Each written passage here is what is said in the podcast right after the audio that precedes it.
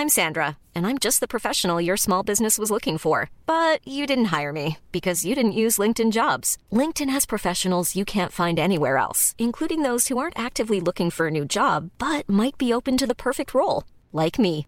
In a given month, over 70% of LinkedIn users don't visit other leading job sites. So if you're not looking on LinkedIn, you'll miss out on great candidates like Sandra. Start hiring professionals like a professional. Post your free job on linkedin.com/people today. Ready to pop the question? The jewelers at BlueNile.com have got sparkle down to a science with beautiful lab-grown diamonds worthy of your most brilliant moments. Their lab-grown diamonds are independently graded and guaranteed identical to natural diamonds, and they're ready to ship to your door. Go to BlueNile.com and use promo code LISTEN to get $50 off your purchase of $500 or more. That's code LISTEN at BlueNile.com for $50 off. BlueNile.com code LISTEN.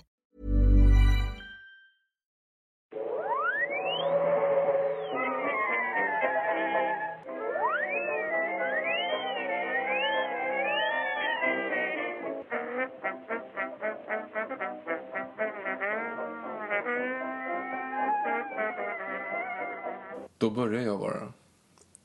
En man och hustru ser sin värld falla samman. I en desperat akt lägger de sitt enda barn i en farkost och för iväg det i hopp om att någon ska finna det. En annan man och hustru längre bort finner detta barn och tar det till sig som sitt egna. Detta barn växer upp i trygghet och god kärlek och växer sedan upp att bli en hjälte och symbol för sitt folk. Vilken historia berättar jag? Moses eller Superman?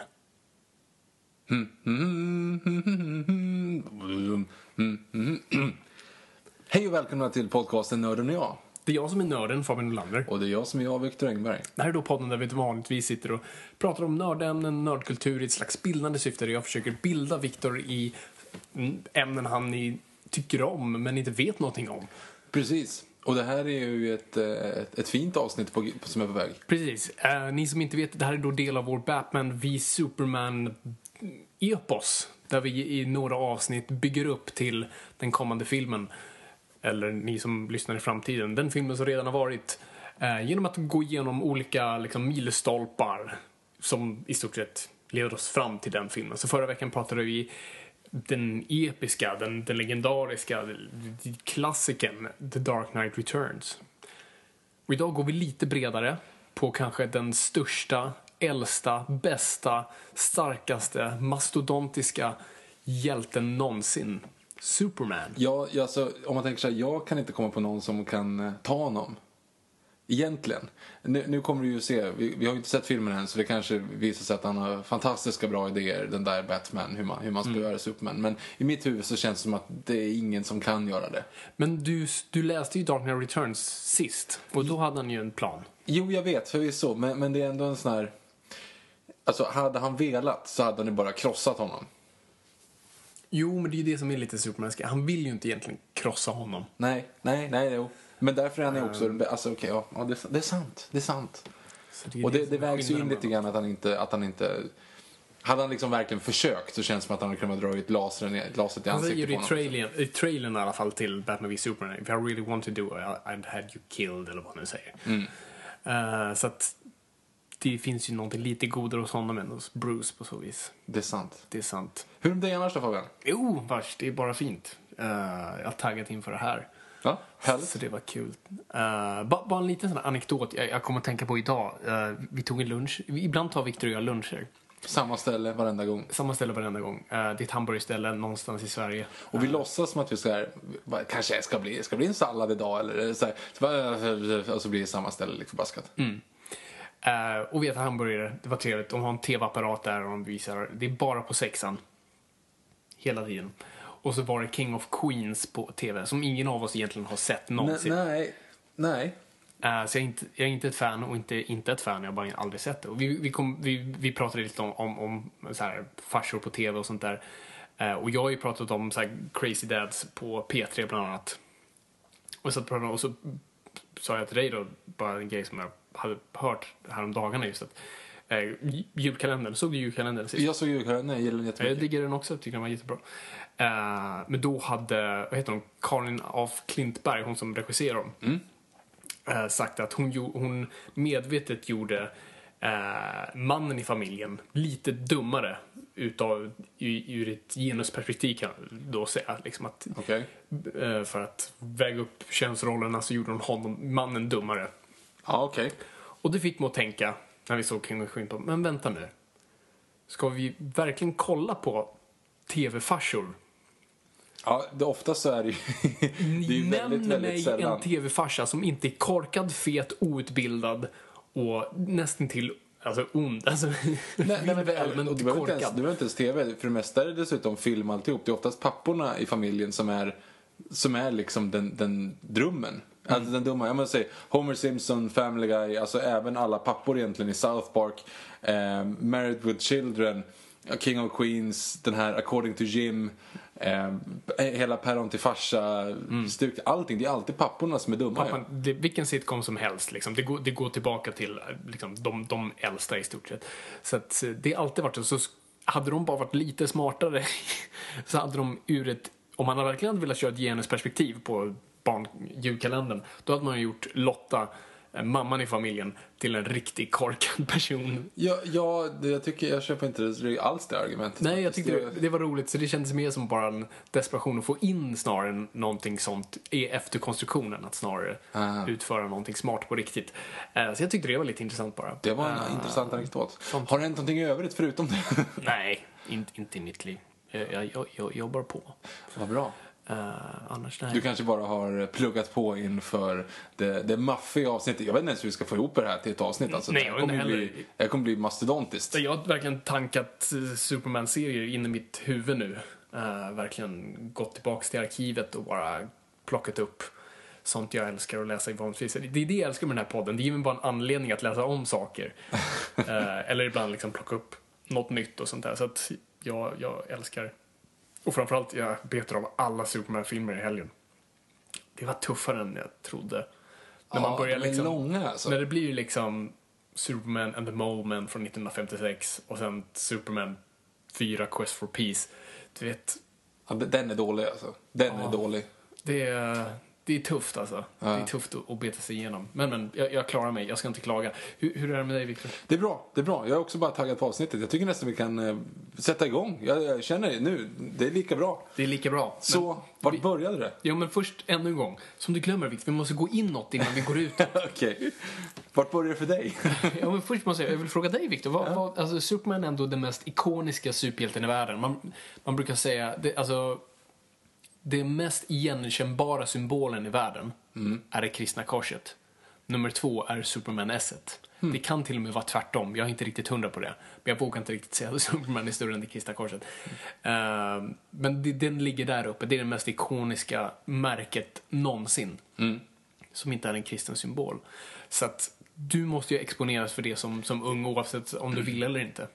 Oh ja, ja men självklart. Så Superman är ju en av de här eh, första superhjältarna man lär känna liksom överhuvudtaget. Fast man egentligen inte vet så mycket om det. Man vet bara att det finns, det finns en sån, han har en pyjamas på sig och han är stark på alla sätt och vis. Men du har ju liksom inte sett en film eller något sånt där om det när du är liksom sex bast.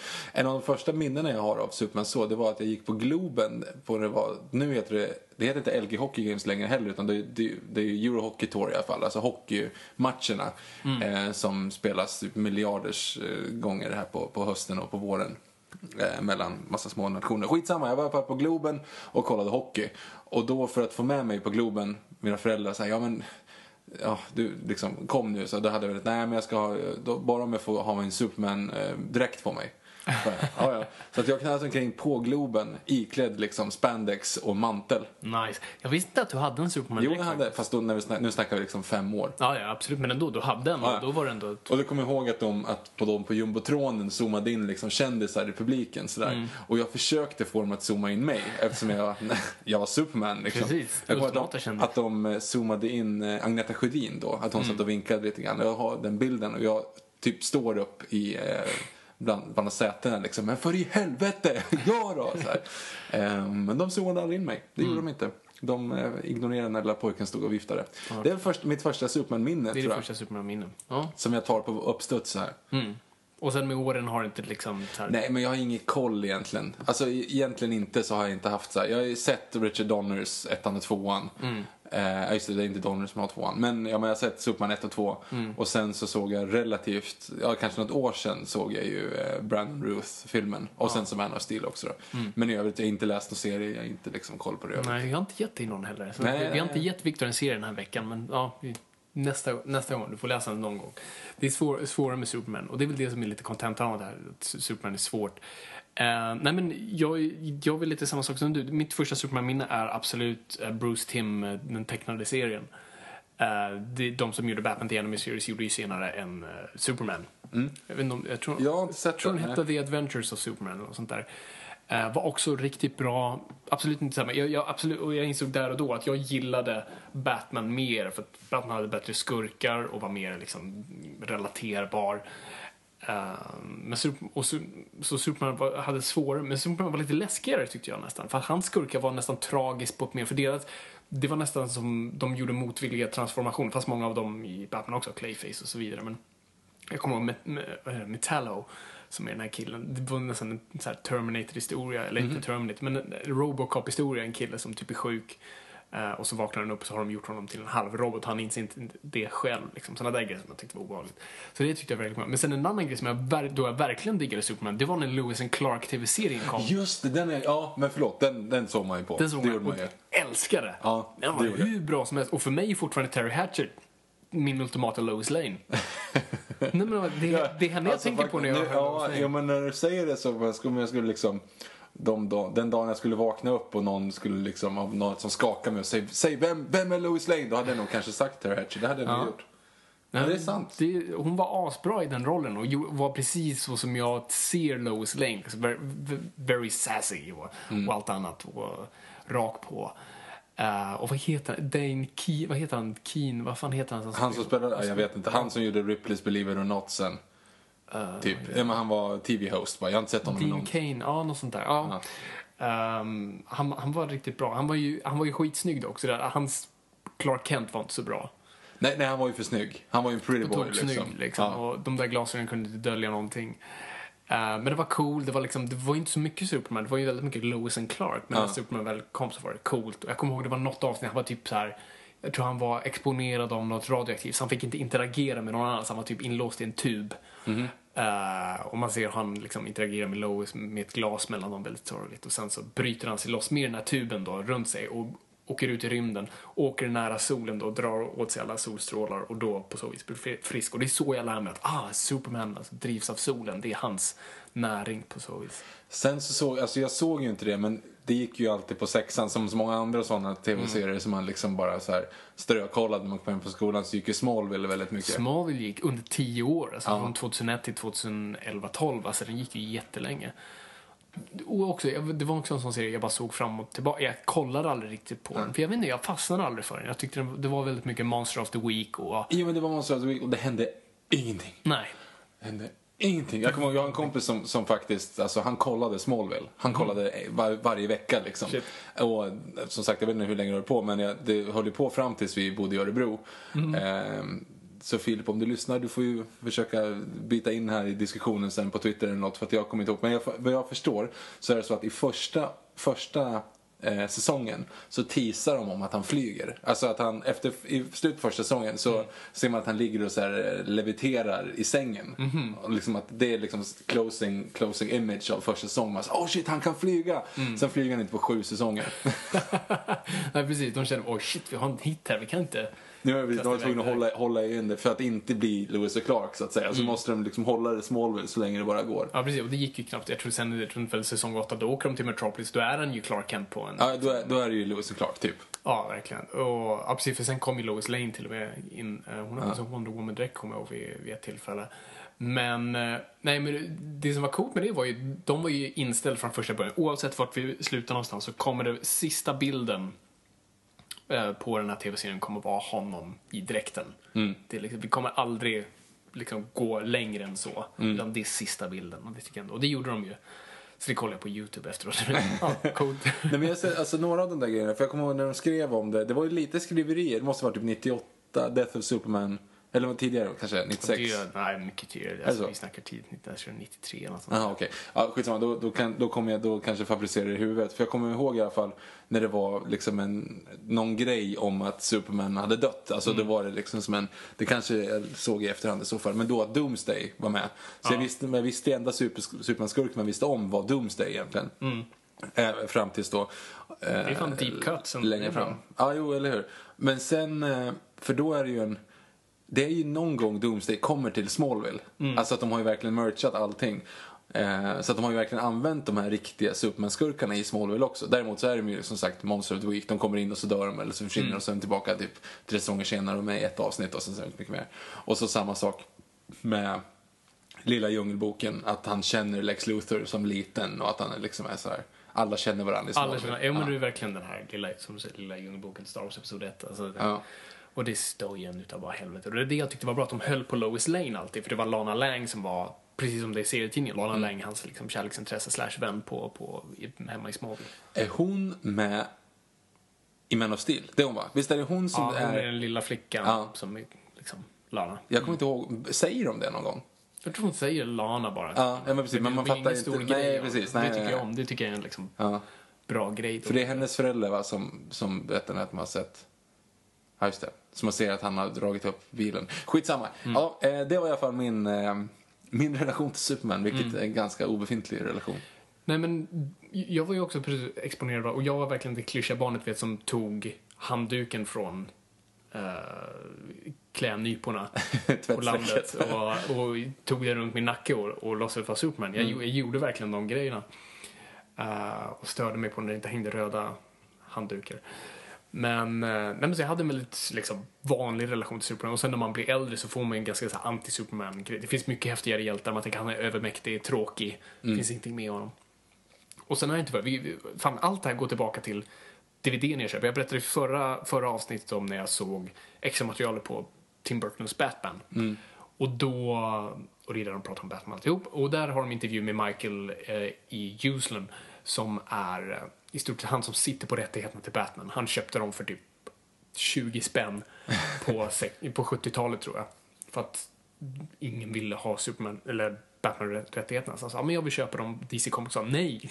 Alltså, fine, fine om du vill köpa dem, men vi avråder dig att köpa dem för vi kommer lägga ner det här om ett tag. Och han sa, nej, jag vill göra en Batman-film. Och han har suttit på de rättigheterna tills dess, så han är alltid exekutiv producent. Är Ganska bra deal känner jag. ganska bra deal. Så han sitter, hans namn är nu på Batman v Superman och på Dark Knight tidigare. Så han har verkligen gjort liksom, bra business på det. Och, men älskar serietidningar. Alltså han är verkligen den bästa förvararen av de rättigheterna i världen. För han är mm, serietidningsfantast. Trots att hans namn är på Batman Robin då. Okej, ja. Ja, jo precis. Dessvärre. Och han har ju pratat om det i intervjuer senare. Men han är skitcool och verkligen sådär. Han, han sa verkligen, han, han berättade historien om att han, när Batman 66 skulle komma, 1966, var han så glad. Och sen när han såg den så blev han så förskräckt att han sprang in på sitt rum och likt Batman i liksom, ur sidorna på Batman nummer ett 1940 så sitter han på sin säng och ber en bön, precis som Batman ber en bön för att han ska hämna sina föräldrars död, så säger han Jag ska någon gång i mitt liv se till att den äkta Batman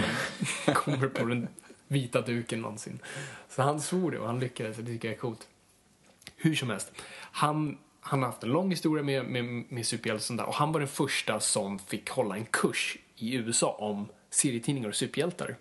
Och han berättade historien då på den här dokumentären där han berättar om eh, han skulle då, man, det var, jag kommer inte ihåg vilken högskola som hade de sa, de la ut en artikel där de sa i stort sett kan du komma till oss och övertyga oss om att du har en kurs att ge så ger vi dig den kursen. Okej. Och han går dit och han mm, sitter i då ett möte med, med rektorn och alla de höga huvuden på det här colleget.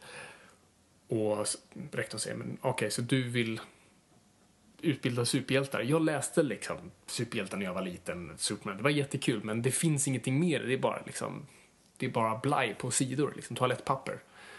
Och då frågar Michael E. Ehm, okej, så du läser Superman? Bra. Ehm, läste du Bibeln? Har du läst Bibeln någon gång? Absolut. Kan du dra för mig historien om Moses?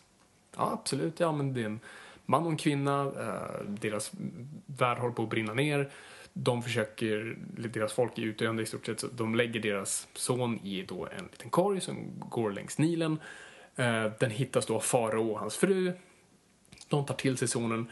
Han växer upp hos dem, han blir sen då den Moses en hjälte och blir i stort sett räddaren av sitt folk. Och Houston säger ja perfekt, du sa att du läste Superman, kan du dra för mig Supermans origin story? Absolut. Eh, en eh, professor och hans fru eh, lever på Krypton som håller på att gå under. I deras desperation så lägger de Vet du vad, du har din kurs. och när han sa det där så blev jag också sådär, "Vad? jag har aldrig tänkt på det där. Det är så självklart men jag har aldrig sett det så. Och där också då föddes någon slags, bara, shit Superman är fan coolare än vad jag, vad jag någonsin har tänkt. Och det är det, det, det jag tycker är nyckeln till Superman. Så för jag har alltid varit så fascinerad av honom nu i alla fall. Och varför han är liksom, efter Batman är han min favorit. Och det, det finns så mycket att hämta där. Det finns så mycket mytologiskt och det finns så mycket Liksom, det är otroligt mycket djup i honom, nästan mer än Batman. Batman är mer en karaktär vi kanske tycker om, men Superman har så mycket mer i sig, mycket mer saft på så vis. Och folk kallar honom för orelaterbar, och fine, det, det kan man ju säga. Jag kan inte flyga, men jag kan inte heller liksom klättra upp för väggar. Grant Morrison sa väldigt smart liksom att nej, men Superman är precis som oss, bara på förhöjd nivå. När han går ut med hunden så gör han det på månen, men kontentan är att han fortfarande går ut med hunden. Um, så han gör exakt samma saker som oss. Och det var det Christopher Nolan, när han skulle övertyga, Uh, lite övertygande, Hans Zimmer ringde Christopher Nolan, han hade fått erbjudande att göra Man of Steel. Uh, och han sa, liksom, jag vet inte om jag kan göra det här, jag kan inte relatera till den här karaktären alls. Hur kan jag relatera till en alien som kan göra allt? Och Christopher Nolan sa, men Hans, du krossar inte Superman, du krossar hans hjärta. Och det är det jag tycker är liksom, nyckeln. Det är, så tro, det är en så otroligt snäll och så här, gullig människa som kan förlora allt. För han har redan förlorat allt. Han har förlorat hela sin hemvärld. Han är ensam på jorden. Och han har en liksom, kärleksfull familj med en adoptiv mamma och pappa. Och han har Lois Lane. Men inte så mycket mer än det. Och förlorar han det så har han absolut ingenting. Och det är det jag tycker är liksom, de coolaste grejerna. Och också att han, han är på något vis den, be, inte bästa bevisen, men den bästa studien av godhet och vad godhet här är. För att om hans definition av godhet är bara lite felriktad så fuckas allting upp. För han måste vara perfekt hela tiden, för han kan välta regeringar, han kan välta liksom hela världshistorien om han ville. Men han gör inte. För att han, att han landade på den gården som han väl gjorde med Martha och Pa Kent. Att det är de som har gett dem den här perfekta uppfostran. Utan dem så blir inte han Superman. Utan, hon, utan dem blir han inte Clark Kent. Utan de får inte han den perfekta moraliska kompassen. För truth, justice and the American way. Och det här, det här glömde jag nämna när vi pratade om Tarantino. Bara en till sak jag hatar. Och det var i Kill Bill. När Bill drar sitt jävla Superman-tal. Mm, just det, just det. Ja, ja, ja, oj, shit, du ser verkligen arg ut. Nej men, ja. Nej men det är verkligen så här. Och jag är inte ensam där. De, de som liksom kan Superman blir ganska upprörd med det. För det betyder på en person som har missuppfattat allt. Nu är allt upp till tolkning. Det finns inte en definition. Det är viktigt att säga, säga med superhjältar. Men kom igen. Hur Tarantino presenterar är liksom han har funnit det För han presenterar att Superman är då den riktiga personen. För att eh, han kommer från krypton. Han är Superman. Och eh, Clark Kent är hans alter ego. Och hans eh, kommentar på mänskligheten.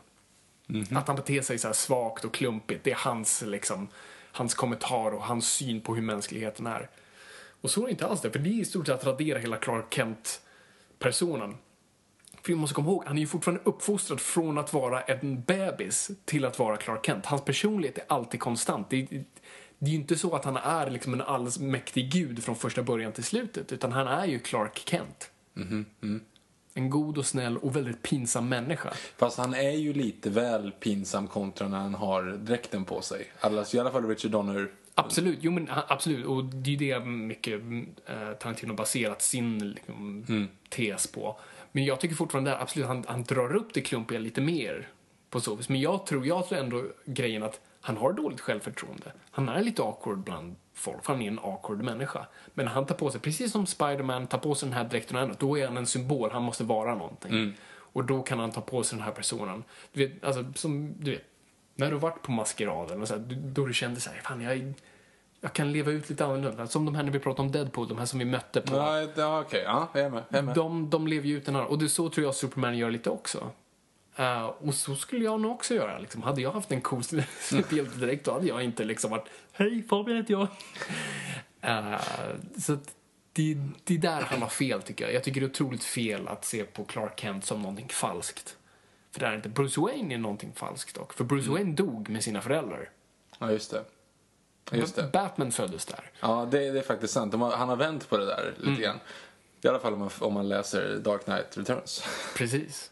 Så nej, men det, det är det jag tycker på något vis är liksom kärnan till, till, till Superman. Jag tycker nog, tro, äl, för jag älskar just alltså, när man ställer sig frågan just vad är godhet, vad är den ultimata godheten? Liksom. Om en ängel kom, kom ner idag och sa att han skulle utföra den ultimata godheten, tror du fortfarande hans definition av den ultimata godheten? Det är ju det, alltså, det är det. Vi har inte nu sett, du som lyssnar i framtiden, hej framtiden. Eh, har ni flygande bilar? Tweeta oss på hashtag Noipod. Eh, enligt trailern på Batman v Superman, alltså den andra, nej den första, Första trailern, första trailern var ju så jäkla cool. Alltså just den här Go home, go home, False God. Alltså den, precis. jag, jag, då var jag helt såld. Då kände jag att det här kommer bli hur bra som helst. Alltså har du den här vinkeln på det, eh, då, då, då är vi hemma liksom. Då, behöver du, då kan du bara ställa in skorna och så vinner de ändå med 4-0. Men sen så, det är inte riktigt lika imponerad av de andra trailerna. Men alltså om man leker med den, med den grejen, att Gud kommer till jorden. För det är ju det det liksom är.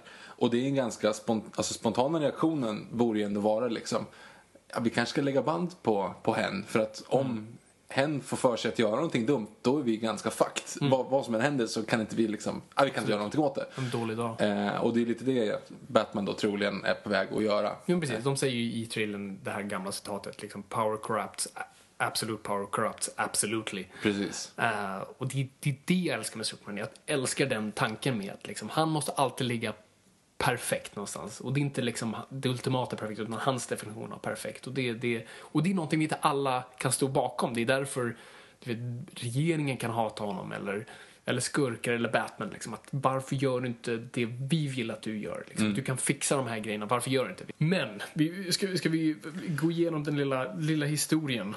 Om, Den där 76-åriga historien. 70, 77 är den. 77. 77. Och det här är också ganska coolt. Jag vet inte om vi nämnde det sist, men i förra avsnittet sände vi samma vecka som det var jubileum på The Dark Knight, 30-årsjubileum. Och nu kör vi också. Vi spelar faktiskt in det här på dagen efter hans födelsedag. Ja, fint. Så det här är samma vecka som hans födelsedag, han fyller 77. Första Action Comics 36, Bye. 32, 25, Räkna ner. 3, Räkna ner.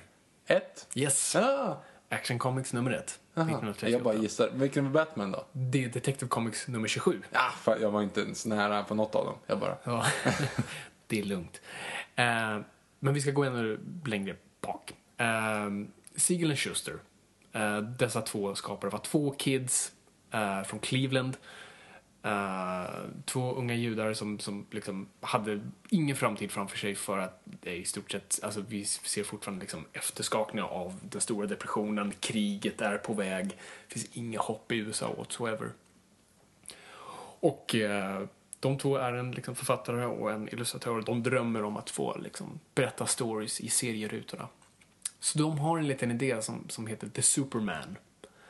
Som är en stor skurk som i stort sett vill förgöra alla. För att jag kan tänka mig som två judar är man rädd för The Superman. Ja, ja, just det. Ehm, för ja, Hitler på andra sidan Atlanten liksom. Så det är det de först leker med, liksom bara en stor skurk. Och han ser inte alls ut som, som vi ser honom idag. En, ni kan googla de bilderna. Ehm, men den idé som de varken kan sälja eller ha, det finns ingenting i. Så de, de tänker i stort sett så här, "Ja, vi kanske kan göra någonting hjälte. Och tycker, ja men det är bra, Superman. Ehm, så de kommer på den här idén om, om, om en... Och det är exakt samma story som, som vi har nu. Liksom.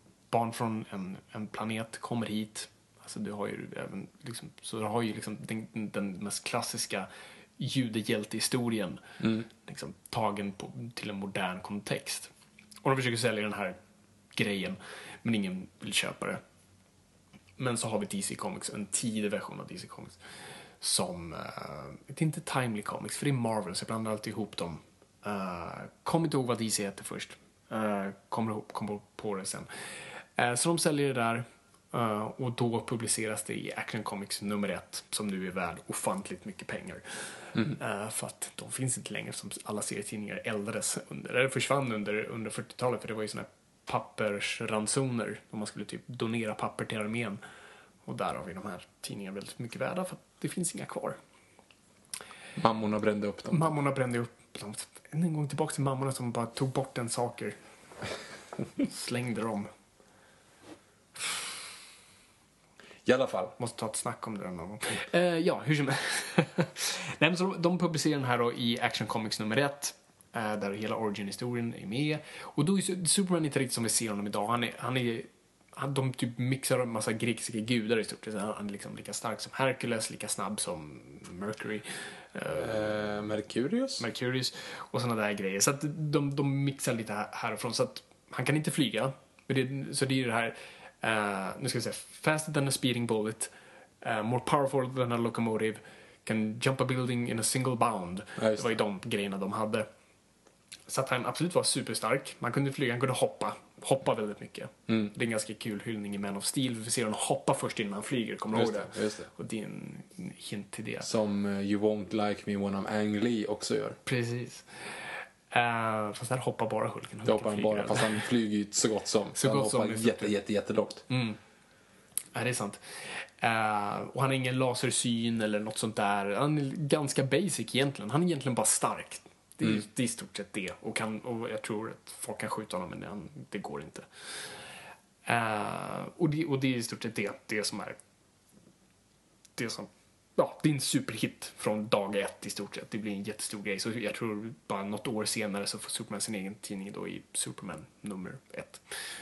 Eh, som också är värd massa pengar nu, för den finns inte heller. Men det är sån, Action Comics nummer ett är så ikonisk framsida. Är det den med bilen? Det är den med bilen. den? Eh, vi hade den som bild nu för det här avsnittet, ni som har Twitter och Facebook. Ja, ni, ni såg att vi la upp det. Um, superikonisk är liksom... De hyllar faktiskt den bilden i Superman Returns. Det var en av de få sakerna de gjorde rätt. Hur som helst. Superpopulär, så pass populär att DC Comics ett år senare, fan vi borde ha en till hjälte. Du, ehm, Bob Kane, har du någonting? Ja, jag har Batman.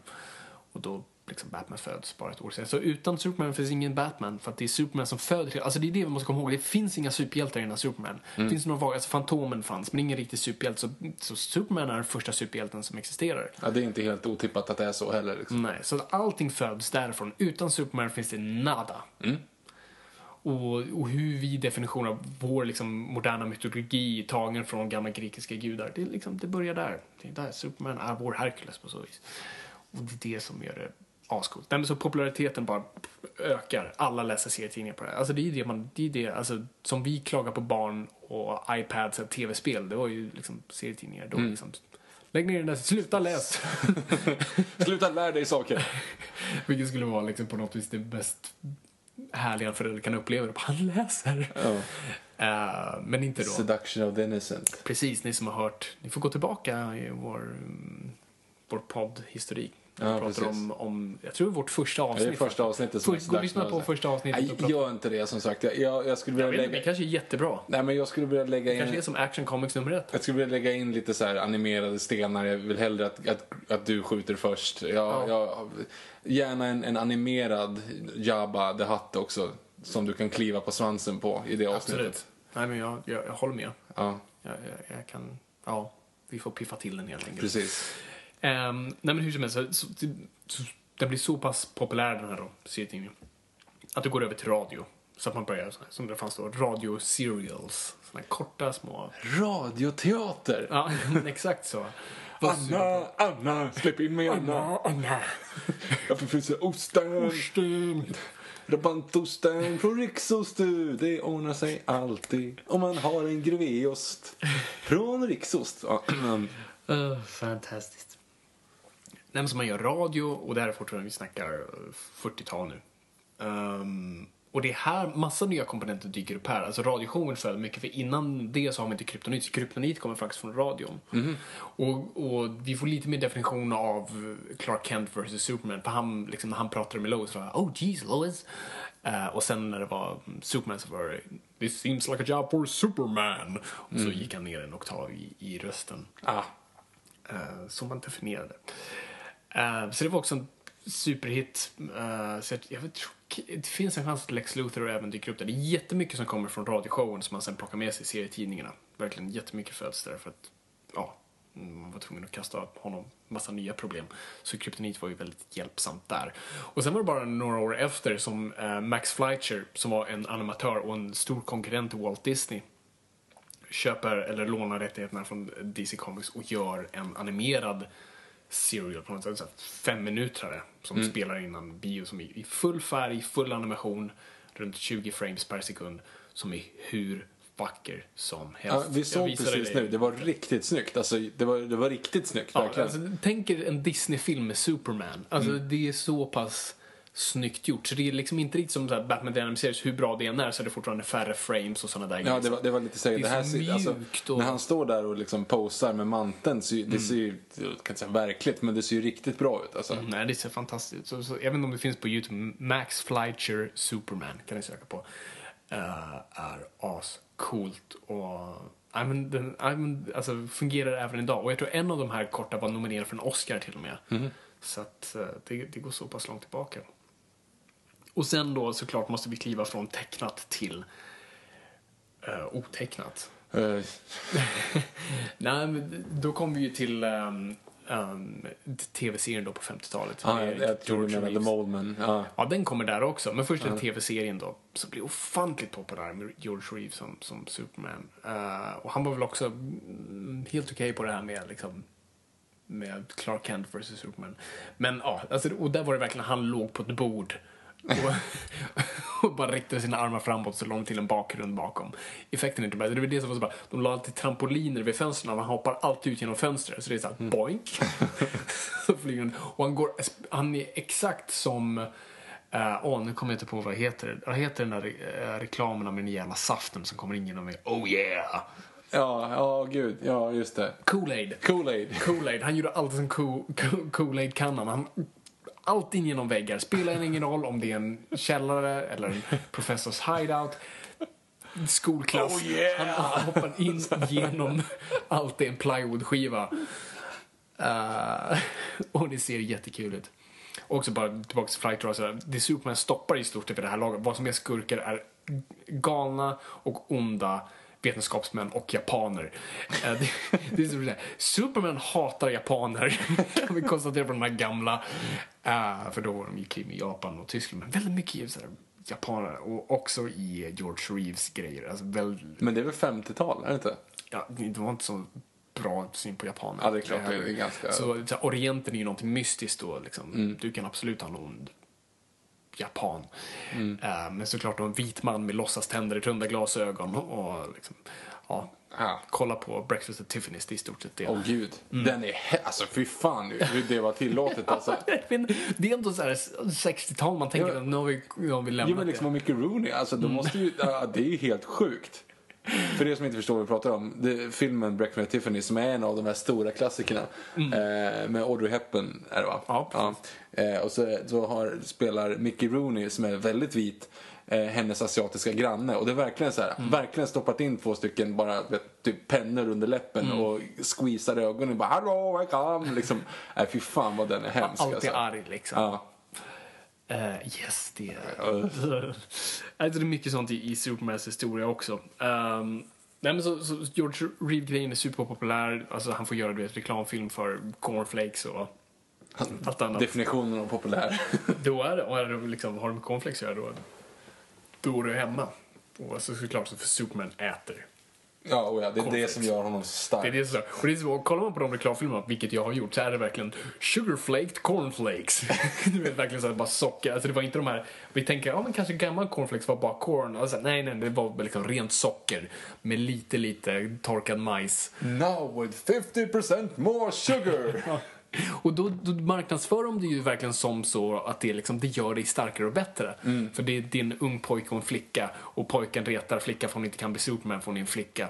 Men, så, men någonstans kommer de överens om att du har kanske en chans om du äter Kellogg's cornflakes för det är ju Superman. Åh gud. Creepy nog står Clark Kent utanför och kollar in på dem med sin X-ray vision. Weird. Men, men. det, är, det är så det är.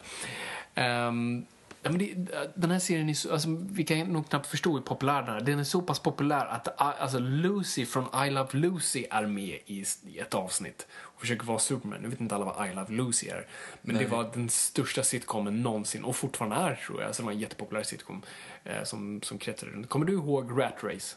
Ja, ja. Om det?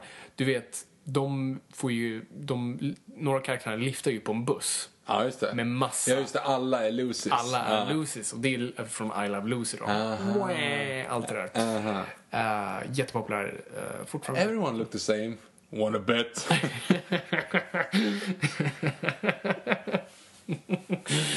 Åh, jag tycker om Rat Race. ja, jag älskar Rat Race. För slutet är värdelöst men det finns otroligt hatar, mycket guld du där. skulle kunna skippa sista 15 så hade det varit okej. liksom. Ja, verkligen. Nej, den är Det jätterolig. finns hur mycket guld där som helst. Så Men enkel plott men väldigt rolig.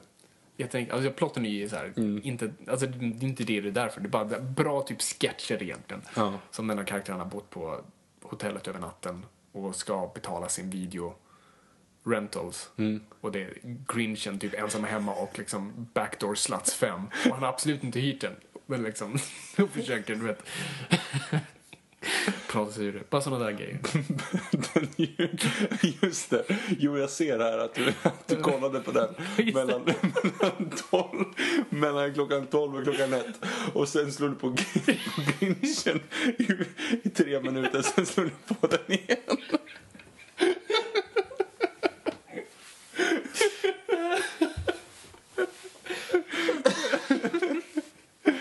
Backdoor Sluts 5, du, det har du tagit by the way. Eh, kul att det är top of mind för det är ju South Park-avsnittet. Eh, Sagan om ringen. Ja. Men det är lite back, Backdoor Sluts 9. Ja, just det. Det är, ja, snabb grej. Recap. South Park-avsnittet när de är Sagan om ringen. När de har råkat, de ska hyra Sagan om ringen men råkar på, få en porrfilm istället. Mm. Eh, och det är då filmen Backdoor Sluts 9 som ska vara typ den värsta porrfilmen som någonsin Som gjorts. alla i stan har sett. Och, och precis, man, helt, eller alla män i stan Ja, vet, vet vilken det är.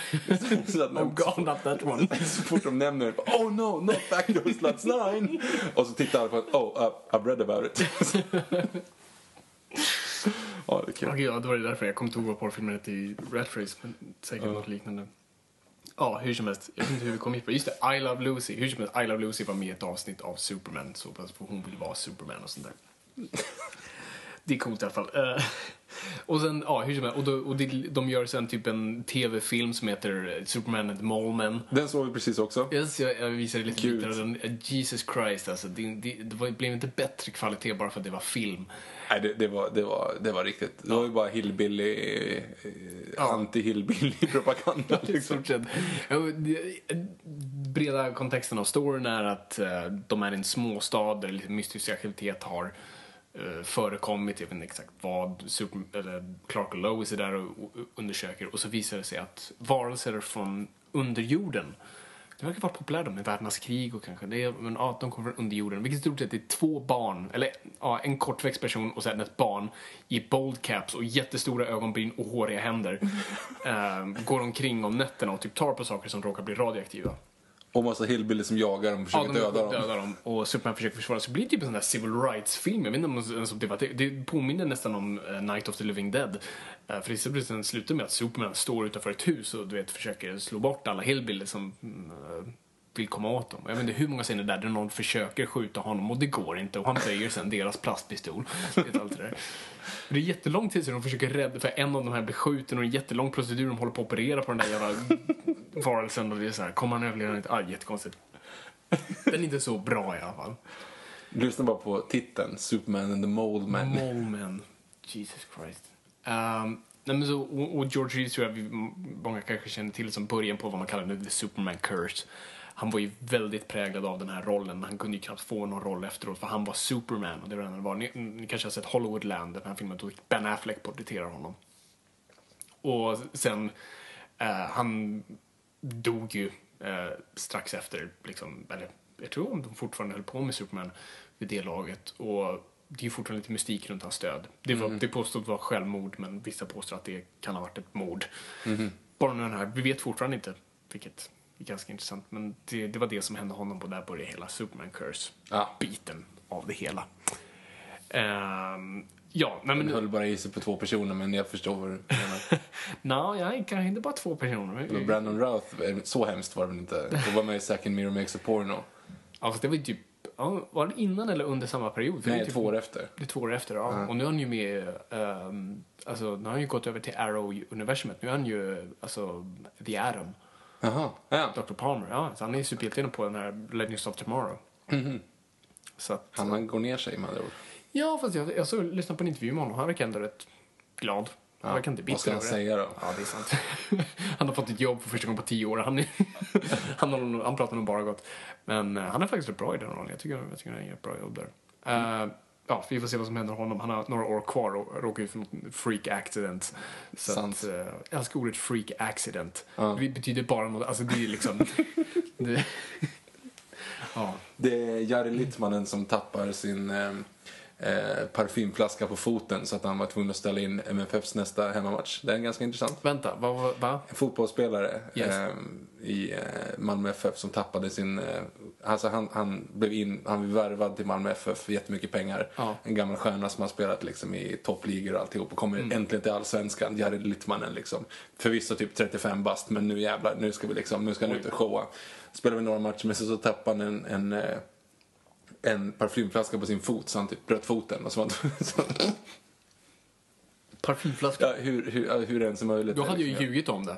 Ja, ja men precis. jag, jag höll på att mecka med bilen och jag Men det, fin- det finns jättemycket så, olika sådana. David Beckham var ju ganska schysst också. Så man, de låg under i, de torskade en match så tränaren gick in och sparkade på, på en sak och råkade träffa en sko som träffar, som flyger iväg över halva rummet och träffar David Beckham i ögonbrynet. Så nästa match kommer han ut så har han en, alltså ett plåster i, över huvudet då liksom. Och då så är det ingen som har berättat vad det var men då var det någon som hade kastat en sko på honom. Liksom. Okej. Ja, det Så finns det är varför sådana. amerikanerna skrattar åt fotboll. Jo men precis. Vi är bara känsliga och sånt där. Men, men. Hur kom vi in på det där? Eh, freak accidents. Freak accidents. Jag tycker alltid att det har någonting med röven att göra. Det känns alltid som det liksom, någon, Ja, någonting nej. hamnade där på något konstigt sätt. Och det är en jobbig historia bakom. Hur som helst, vi är på 50-tal nu. Eh, då, då är ju serietidningarna i en slags ny fas. Som jag pratade om tidigare. Det är väldigt mycket sci-fi präglat. Och Superman absolut det, för då kan han, han kan ju flyga ut i rymden och träffa saker. Träffa skurkar och allt sånt där. Så man, man, han liksom far iväg. När kosmonauten åkte upp ville barnen bara leka med rymdleksaker. Toy Story, antar jag. Ja, precis. Eh, nej men så, så det var ju liksom en grej som präglade alltihop och, och där introduceras bland annat uh, Superman-skurken Mixelplukt som är den här interdimensionella skurken likt Batmite men uh, uh, Mr. Mixelplukt är skurken som endast kan förgöras om, han, om man lyckas få honom att säga sitt eget namn baklänges. Va? Yes. Och han heter. Mr. Mixelplukt. Jag kan inte ens, alltså det stavas typ M-X-Y, alltså det är Ah. man ska få honom själv och säga sitt Hur gör man det? Få honom att säga sitt namn baklänges? Ja. Jag vet inte, de har gjort det ibland på rätt smarta sätt liksom. Eh, typ, säg det här. Läs det här Du kortet. får 20 spänn om du säger Typ. Nej men så, och han finns kvar och används på riktigt coola sätt liksom. Nu kan han vara en riktigt cool, inte en dimensionell varelse liksom med stor visdom eller stor förstörelse bakom sig. Han, är, han är mer en av de bästa storiesarna som, någonsin gjorts. All-Star Superman, Grant Morrison lyckades använda honom riktigt väl. Hur som helst. Nej men så, och sen börjar vi ju liksom komma in på 60-talet och nu börjar Marvel dyka upp. Eh, och Marvel blir väl någonstans som vi har pratat om tidigare. När Marvel dyker upp med Spider-Man och X-Men och you name it. Alla deras hjältar som bara poppar ut ur Stan Lees huvud. Eller egentligen typ Steve Ditko och... eh, men gud, nu tappar jag helt förståndet. Vem försöker jag komma på, Victor? Har du lärt dig någonting? Steve Ditko. Steve Ditko och Eh, Jack Ruby. Eh, Jack Kirby, tack. Ja. Så är det, var nära. Ja men det är ju, jag har ju alltid blandat ihop honom med John F Kennedys mördares mördare. Ja, just det, han heter... Mm, han är jättes Jack Ruby. Det är typ åttonde gången vi pratar om Jack Ruby i Jag den här vet, och jag vet fortfarande vem det är för att jag har mer koll på låtsashistoria än riktig historia. Han som, som gick in och Ja, sköt. Lee Harvey Oswald. Precis, vad är det han säger till honom där? Oswald! Ja, just det. Hej och välkommen till Nörden och jag där typ 30% av våra avsnitt nämner en mördares mördare. Mörd... Ja. Fast om nu Lee Harvey Oswald var Kennedys mördare. De typ säger det va, men det är fortfarande, jag vet inte om... Ja, ja, de säger ju det fortfarande. Men det är ungefär som att någon hade knäppt eh, Christer Pettersson efter första tingsförhandlingen. Då hade det ju varit samma sak. Det hade varit precis samma situation. Var det sant? Ja, ja. Hur som helst, tillbaka till Fakes historia. Nej, men så Ma- Marvel börjar ta över liksom, överallt och, och Superman blir ju liksom din farfars superhjälte. För då måste vi komma ihåg, alltså, då har den här personen funnits i nästan 30 år. Då har det ju liksom flera generationer av ungar kom inte gott. Så det är väl inte förrän på 70-talet eh, då några typ ungerska producenter tänker att ah, men fan, man kanske ska göra en film på superhjältar. Superman, han är den mest populära så att det kanske är någonting att ha. Um, så det är Salkind och hans son som, som på något vis går till Warner Bros. och säger nu kan vi köpa, låna den här licensen och, och göra en riktigt blockbusterfilm. Warner Brothers säger Var, varför? Vi gjorde de här för 10 dollar förut. Varför ska ni göra, liksom, lägga 50 på, på det här? Det, det gör man inte. Vem vill gå och se något sånt här? Du har bara barnpubliken. Liksom. Du, du la honom på ett bord och bara liksom, fladdrade hans mantel. Vad, vad ska du ha pengarna till? Så, men vi vill ändå göra det. Så Warner Brothers säger i stort sett, okej fine. Vi lånar er licensen, vi vill inte ha någonting med det här att göra. Uh, så att vi kan distribuera det om ni lyckas sätta ihop det. Och så får vi se vad som händer. Så Saul kan inte gå och göra det här helt själv, så de samlar ihop pengar från gud vet vart. och känner så här, okej vi, vi gör filmen om Superman. Men då måste vi se till att ge det riktigt så här, tyngd och eh, liksom Credibility. An- an- credibility, verkligen. Så de, de eh, anställer Mario Puzo som manusförfattare. Mario Puzo, för er som inte vet, är författaren till Gudfadern. Gudfadern och sen filmen Gudfadern med och Francis Ford Coppola och Gudfadern del 2. Han ska skriva Superman. Och de tänker, fan vi måste ha skådisar. Uh, vad kan vi ha? Ja, men om, vi, om vi anställer liksom, tunga skådisar i, i, de, liksom, i de mindre rollerna så kan vi sen lyckas locka liksom, andra skådisar. Så att de tar Marlon Brando. Ger honom, Största av alla största av perioden alla. typ. Ger honom liksom det rekord stora summan på två miljoner dollar. Uh, vilket ingen hade sett så mycket pengar förut. Två miljoner är helt sinnessjukt för den tiden. 1977 eller vad det. Ja, precis. Och sen Hugh Jackman, höll jag på att säga. Ge- Gene Hackman eh, som Lex Luthor. Så man, man lockar de två liksom. Så här, Bra, nu har vi dem. De går till Richard Donner, regissören som då vid det här laget gjort The Omen. Eh, och han har berättat storyn att han i stort sett får ett, bara ett samtal. Bara, Hello, my name is Saul Kind. I give you one million dollars to do Superman. Who is this? Var liksom... Det var det, var det de sa direkt. Liksom. De presenterade sig själv eller någonting. Bara så hej, gör Superman, du får en miljon för det. Och Don säger, ja, fine, jag gör det. Ehm, och Donner känner väl någonstans att så här, okej, men då måste vi, vi på något vis, vi ska behandla originalmaterialet seriöst men oss själva inte så seriösa. Mm, Hålla den balansen, vilket är bra. Tycker jag det är ganska cool liksom, grej att gå med. Eh, och då börjar ju snacket också, okej, vi har Brando, vi har eh, Hackman. Hackman. Det har de, det är South Park. Har de? Ja, eh, har du sett det? Där Christopher Reeve, det är ganska makabert. Christopher Reeve suger blodet ur foster för att kunna gå. Nej, nej, oh shit, nej, vilken, vilken säsong är det här? Jag vet inte, jag har bara sett det här avsnittet. Och då, Det måste vara väldigt och tidigt. då vet jag inte om det är, jag tror det är Gene Hackman som är liksom hans skurk, och då kallar han just honom för Hackman. Aha, nej, nej, det har jag fan inte sett. Uh, Jag har sett de flera, jag har inte sett, tre första säsongerna har jag inte sett. Eller jag har bara inte sett så tidigt, det är ändå ganska liksom... Jaha, sjukt. Det det har jag missat. Ehm, ja, hur som helst. Ehm, så att de började tänka så här, vem kan vi ha som Superman? Och såklart började The Usual Suspects dyka upp som Rob Redford och Paul Newman. Bara, mm. Och Donner kände ju liksom så här, skulle jag se Paul Newman flyga? Nej, det, det, är liksom, det sabbar allt, vi kan inte gå, vi kan inte gå dit. Eh, Så man börjar i stort sett bara kasta omkring och känna så här, ja men vi har de här två tunga så varför inte bara ta en okänd? Eh, Och då börjar vi prata om Christopher Reeve då. Eh, Som har gått Juilliard tillsammans med Robin Williams bland annat. Vad är Juilliard för något? Juilliard är skola, en bra. Julians, Julius School of Actor. Aha, så, så okej. att det är en Mm. liksom, bra skola. Seriös skådis och allt sånt där, men ung. Han är 25 bast, inte gjort någonting. Och eh, de tar in honom.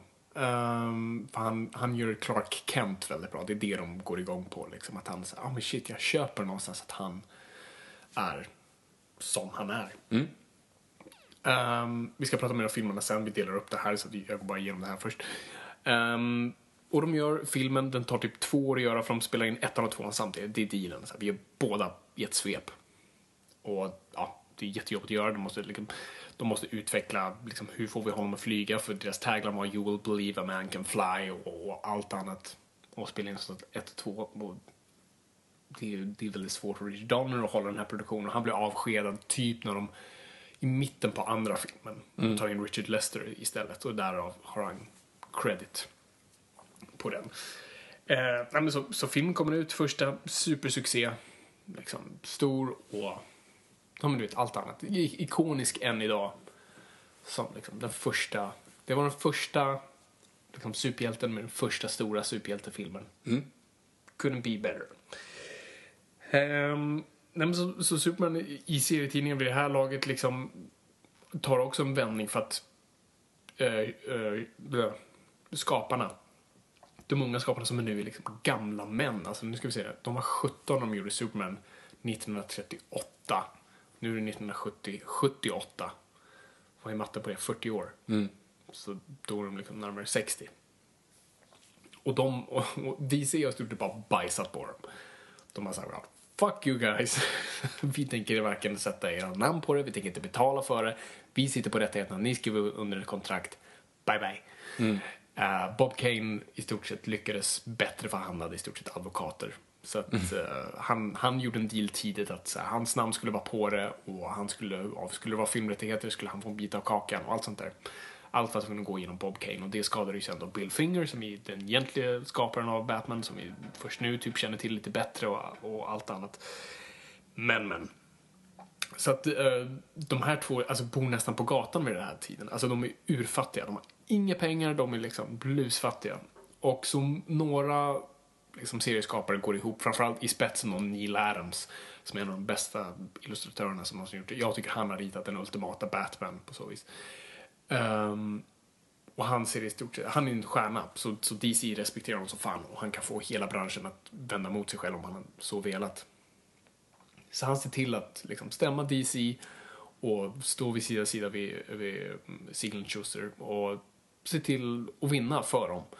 Så att det de får är credit för det första, så nu ska det alltid stå Superman created by Siegel Schuster. Ja.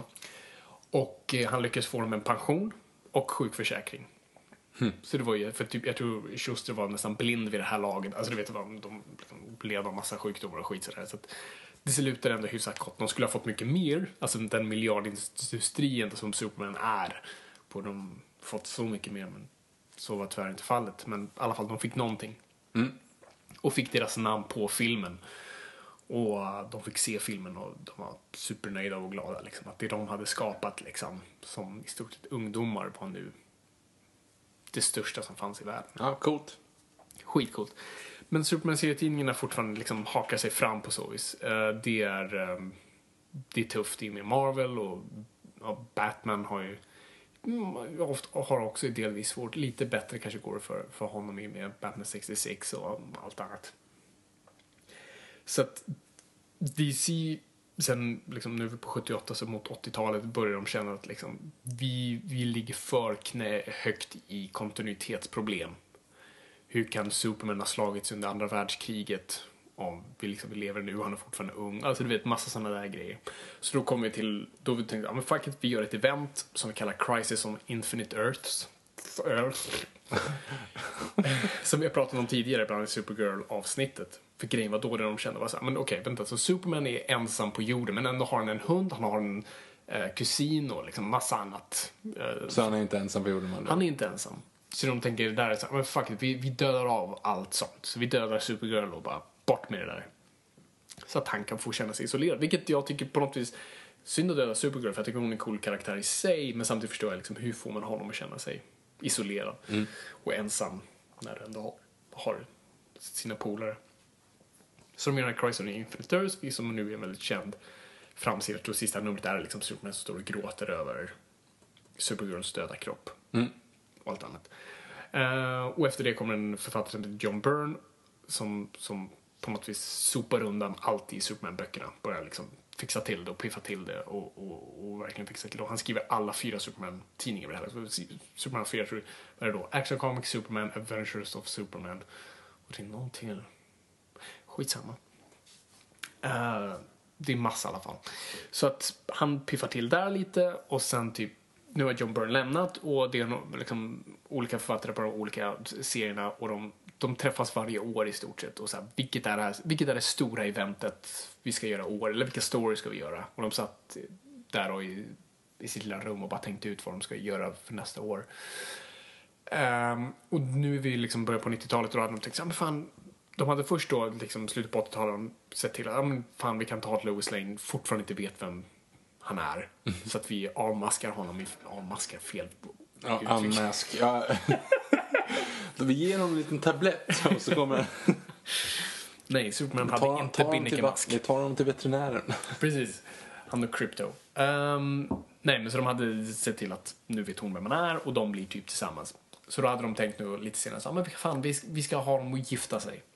Det vore, vore inte det fantastiskt? Liksom. De gifter sig egentligen, det blir ett stort event. Men vid samma tidpunkt då har Lewis och Clark börjat sändas. Och eh, de säger, och tror de ska gifta sig i den serien. Och de vill inte att det, det ska krocka med det. För de ska gifta sig lite senare men de vill inte att de gifter sig i serierna innan för då blir det konstigt och sånt där. Så att, så, okay, fuck it, vi kan inte göra det. Och det, det typ normala skämtet i det här rummet var att så fort de inte kom på något så sa någon alltid Wow, don't we just kill him? Och vid det här laget sa de så här, men fan, fan, du har rätt. Fuck it. We kill him. Och det är här då den här väldigt kända storyn börjar ta form. Och liksom. Jag har bläddrat i den och jag har läst om den rätt mycket. Jag tycker det är en ganska intressant take på skurken. Jag tycker, Men vad tycker du om Doomsday då? Ja, alltså storyn är ju att eh, jag vet inte riktigt egentligen vilka, men Alien Life håller på att utveckla typ The Master Race, den, den perfekta eh, varelsen som är liksom anpassad för att, liksom, den perfekta mordmaskinen. Och då är det så att de skickar ut en, en, en varelse eh, ut i, liksom i, i, på en planet som är jätteogästvänlig, som är fylld med jättemycket liksom, faror. Och när den dör, då tar de det kroppen och så typ all- klonar de den med en, en liten skillnad. Och så skickar de ut den en gång till och så när den dör så klonar de den med en liten, liten skillnad. Tills de liksom, alltså rent ut sagt evolutionen. Ja. Eh, tills den är liksom, när den är så pass bra så att den dödar allt som finns på den planeten, då är den liksom fulländad. Då behöver man inte klona om den mer liksom. Så till sist har den så jättestora klor och stark som ett hus, och st- stark som, en, som fan och stor som ett hus och sprutar eld. Nej, gör inte. Men alltså du vet, han, har- han har allting liksom. Så att Doomsday i, i den aspekten i den serien är ju, det är ju ashäftigt för det är ju liksom egentligen, ehm, det är ju människan.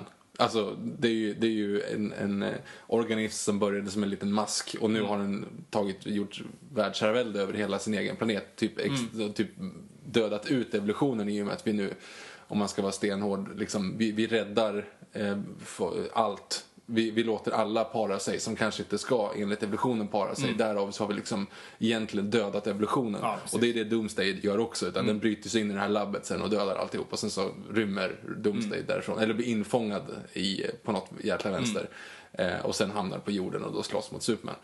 Eh, så att, Och det är ju bara för också det där, det är ju en efter, inte efterkonstruktion, men det är ju någonting som kom efter. Innan det visste vi inte vad Doomsday var liksom. Doomsday kom från ingenstans i stort sett. Det kom från underjorden som att någon hade hållit honom där. Det är det som har. Mm, ja, precis. Att han, att han var så pass... För det, jag gillar den allegorin mot att... Eh, eh, lite grann Jeff Goldblum.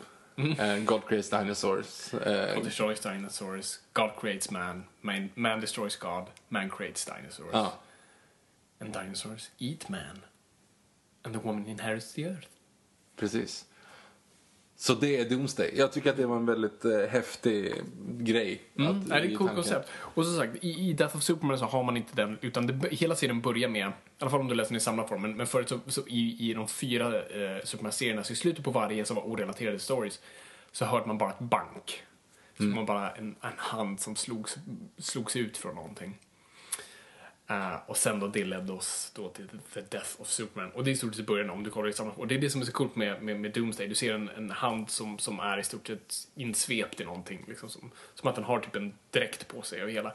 Och varje slag mot den här metallgrejen, liksom metallkistan är i, ju spetsigare blir hans hand. Så i stort sett för varje slag Doomsday får, ju starkare blir han på så vis. För då bara kommer det taggar ut där han blev slagen. Så för varje slag han slår sig ut så formas han mer som, som Wolverine-klor. Liksom han blir spetsigare och spetsigare för varje slag, vilket tyder på att han bara blir starkare. Och han kommer ut där i solen, räcker ut sin hand, en fågel landar där och så krossar han den. Då vet vi, det här är en ond jävel. Eh, så, he- så den här storyn utspelar sig i alla fyra böcker. Och blev i stort att, att första boken hade eh, fyra rutor på varje sida. Andra, och så, andra kapitlet hade tre rutor på varje sida. Och sen tills det bara var splash pages i sista numret. Det var bara full, en ruta per sida. Så att vi såg hur liksom fighten bara liksom, blev större och större och växte och växte och växte och blev mer och mer urballat. För det började ganska små, smått att liksom Justice League försöker ta ner Doomsday, man typ förgör alla. Och sen då är det ju Superman som måste... Och det, och det inte, handlar inte om kryptonit eller något sånt där utan Det är råstyrka bara. det är rå styrka. Så, alltså, han, han nästan slår ihjäl sig själv, Superman. Alltså, han slår sig själv till total utmattning. Och sen dör. Med då Doomsday också. Och eh, det här blev en, en total sensation i, i serievärlden. Det blev ju liksom... Jag tror ingen hade förväntat sig att det skulle bli så stort. Alltså när den här, när sista numret väl släpptes, det var en världsnyhet. Stod på första sidan på, på vanliga tidningar, Superman är död. Så i, i, i serietidningskoppar så var det kö runt liksom gator, runt hörn. Alltså, folk skulle köpa den här och man kunde köpa den speciellt liksom. Du fick en liten plastficka som, var, som bara var svart med blodigt S på. Mm. Och folk tänkte, och det är här som jag pratade om tidigare, den stora serietidningsbubblan. Så folk bara köper utav helvete och lägger det här i kassaskåp och känner bara, ni vet Superman nummer ett, den är värd flera miljoner idag, om några år kan jag sälja den här. Du kan sälja, köpa den på Ebay idag för ingenting. Så För att, 40 spänn. för att alla hade liksom hur många som helst. Det, det är ingen värde i de där alls.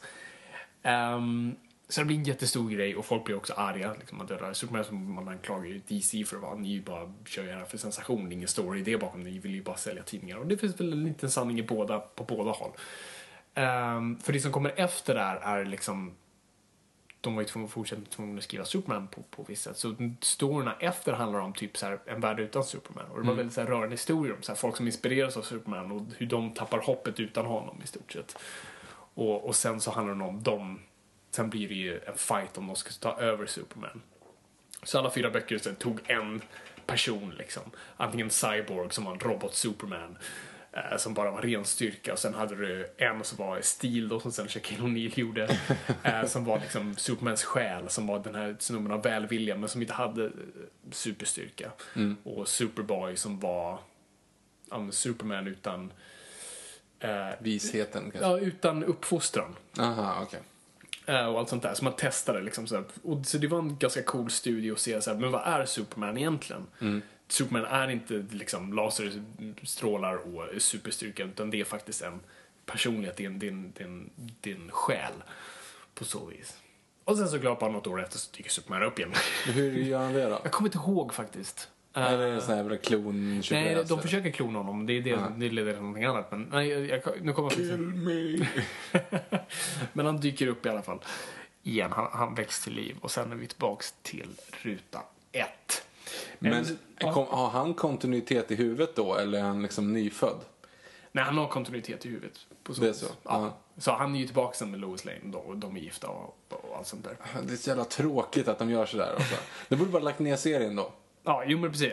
De, de, de gifte ju sig senare, för det, då kunde de sen göra det, men det var när Lois and Clark var över som de gifte sig sen. Och det är där också diskussionen skriver in sig i ett hörn, för att då har vi ju den här, liksom, vad är den här will they, won't they och den här relationen mellan de två, liksom på något vis. Alltså triangeldramat, det är ju det man kan kalla det lite. Det är ju triangeldrama mellan Lois Lane, Superman och Clark Kent.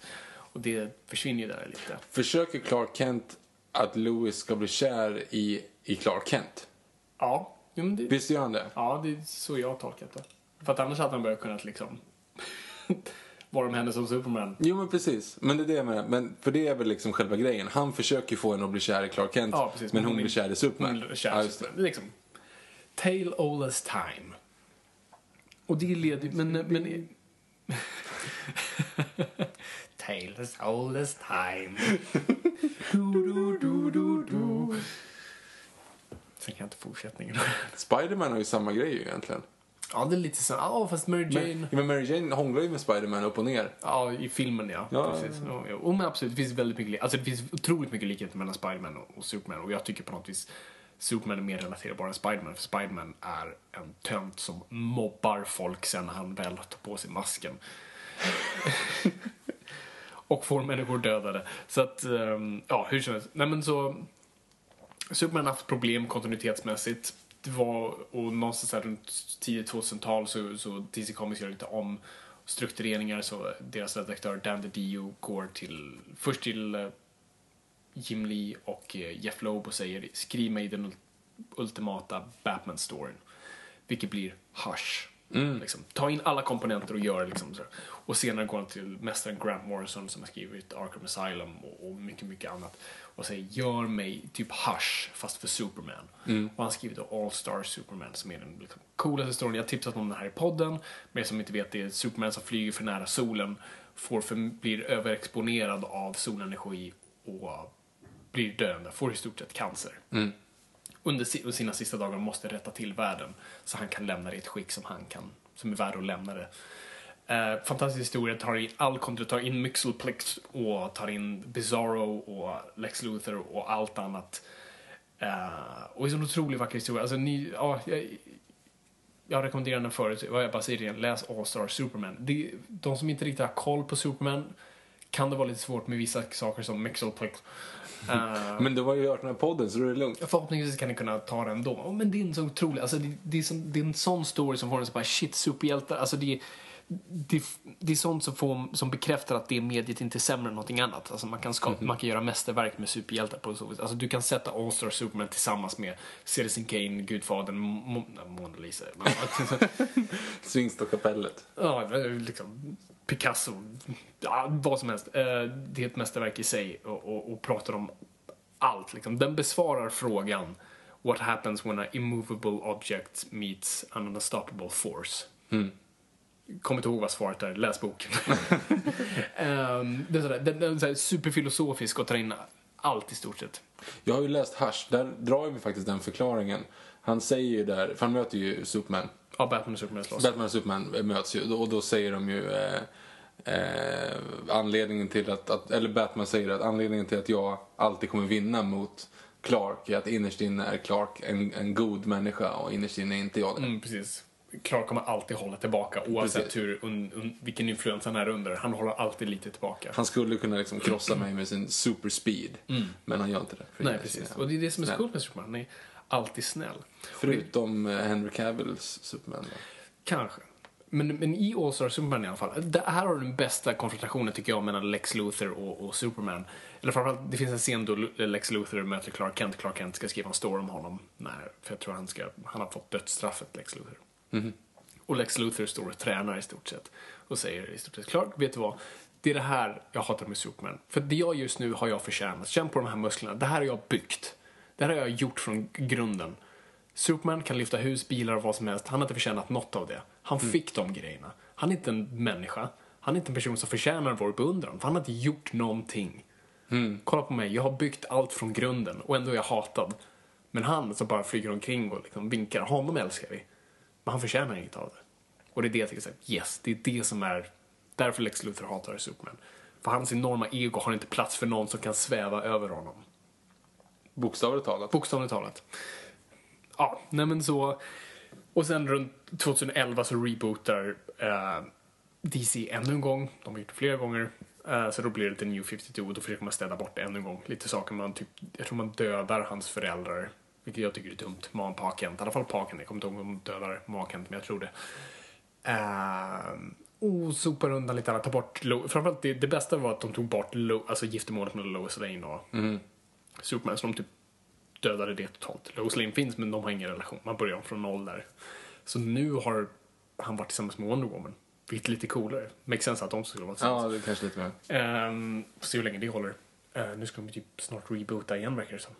Men det här är New 52 vi är inne och snackar om nu. Nu ja. Ja, Yes. ja. I, I nutid. Och det är det de har kört med i stort sett nu. Liksom Superman är, det är i stort sett samma sak fast det är lite, saker är lite annorlunda. Och Supergirl är tillbaka. Crypto, jag vet inte om han är med. Krypto är alltså är Supermans hund. Jag, Yes. jag, jag bläddrade lite grann i de här tidningarna du har här. Eh, not so much alltså. Not so much.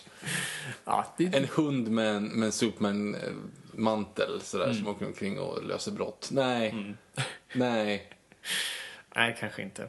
Men eh, på tal om Lex Luthor och sånt där, kanske bara nämna honom lite snabbt också. Lex Luthor fanns ju i se- serietidningen från början. Han började ju som i stort sett en galen professor. För det var det som var läskigt då, eftersom vetenskap var läskigt. Gud, vi vet vad vi har honom. Men de där personerna som gör saker i labben, de är läbbiga. De har kommit på någon form av evolutionsteori. Precis, så han börjar för som en galen professor i stort sett. Som bara vill såhär, I want to conquer the world. Alltså allt det där. Hade han eh, en mustasch som han twirlade lite grann på sidan? Nästan. Ja, för det det- roliga, han är inte skallig först. För det är Supermans fel. Han har en jättefin liten frilla. är i ett labb. Vi bygger någonting. Superman kommer in. Och någonting går fel! Någonting går fel. Och han blir exponerad för någonting.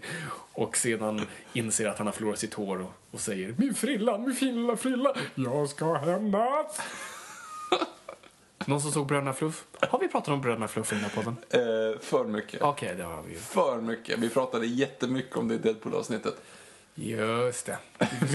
Vi väg, vi väg typ jättelång tid till. Vi ska inte prata om Bröderna Fluff, har vi gjort det. Men i alla fall, de har ju tagit, det är det som är så coolt med Bröderna Fluff, att de har tagit Lex Luthors origin story. Men i alla fall, efter John Byrne, Frilla, frilla, frilla. men efter John Byrne och, och Crisis gjorde man Lex Luthor mer till en så här tycoon, alltså businessman. Alltså Donald Trump i stort sett var typ modellen man tog. Eh, vi gör honom till en businessman. eh, som, som redan har allt. Och det, det gör honom mer komplex. För att Lex Luthor har alla pengar. Han vill inte råna banker. Han vill inte förstöra världar. Han vill bara bli av med Superman.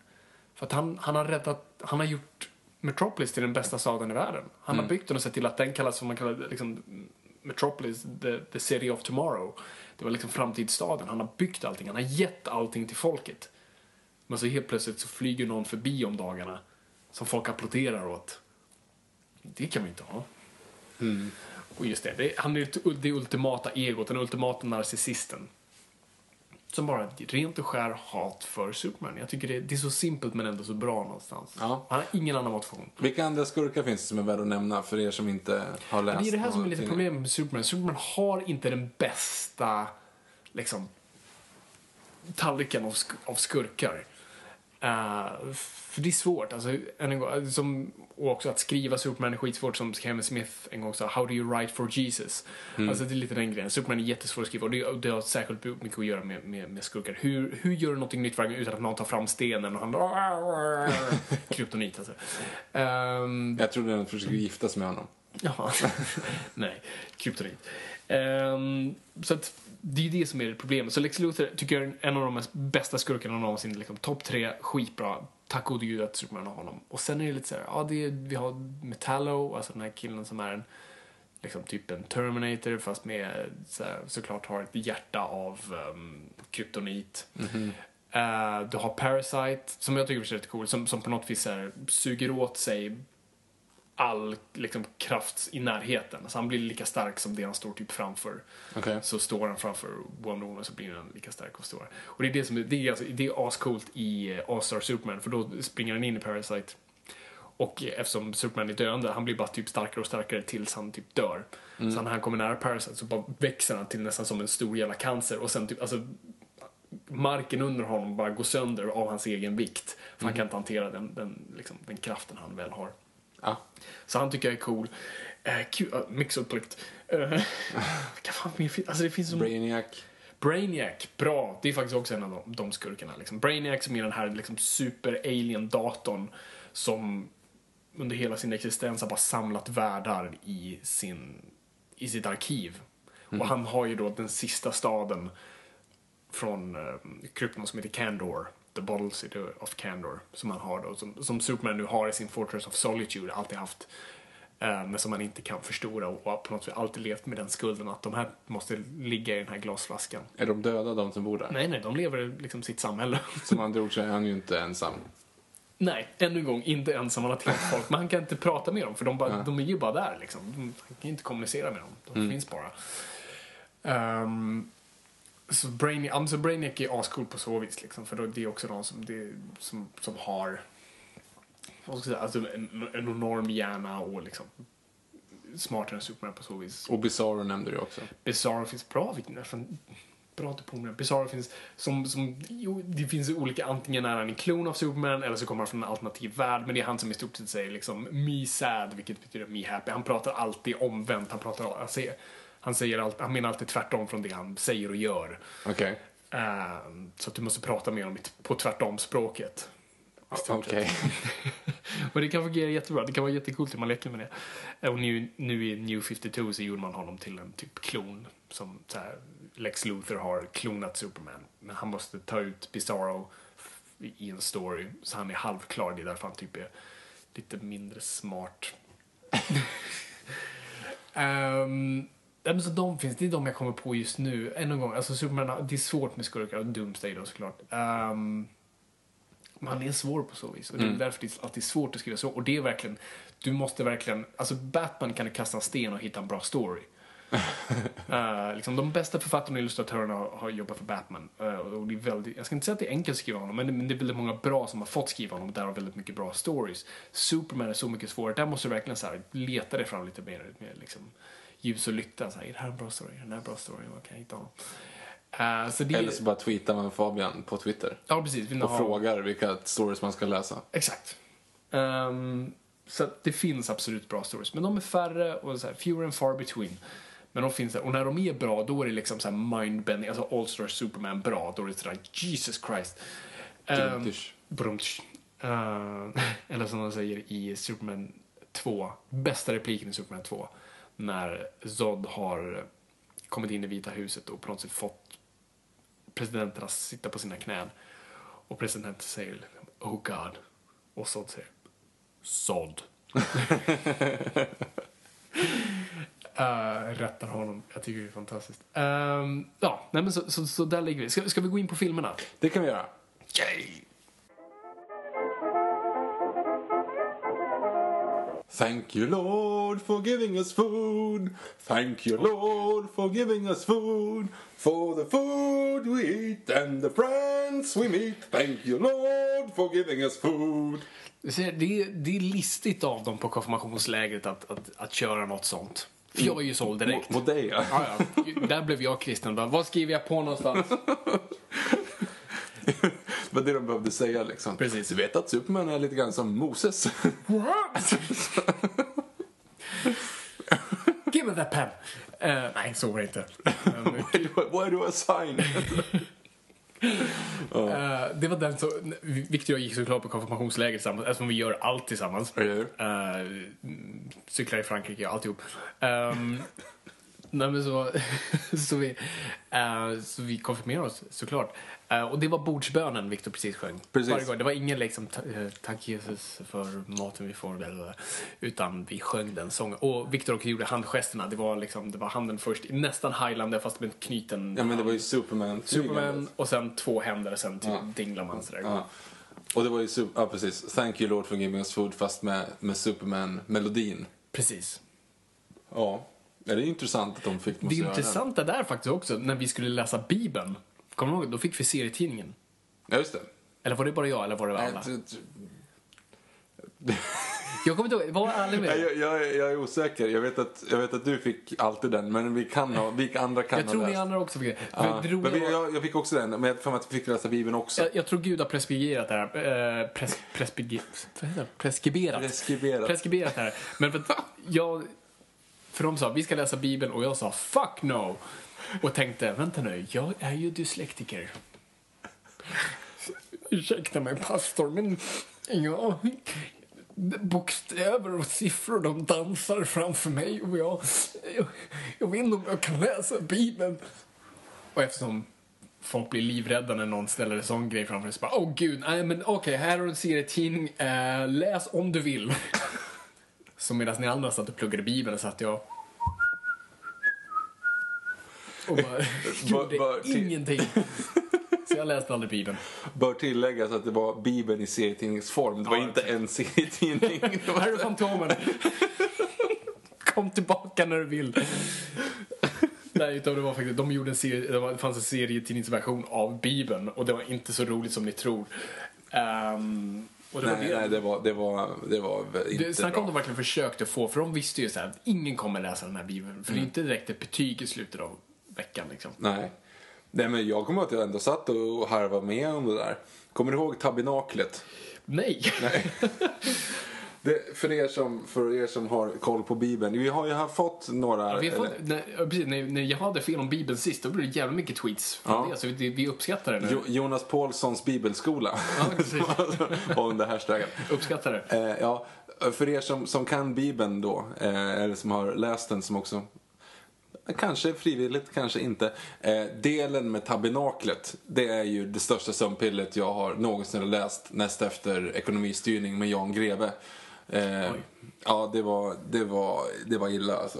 Där de beskriver typ hur ett hus ser ut i 40 sidor. Nej men, fem sidor i alla fall.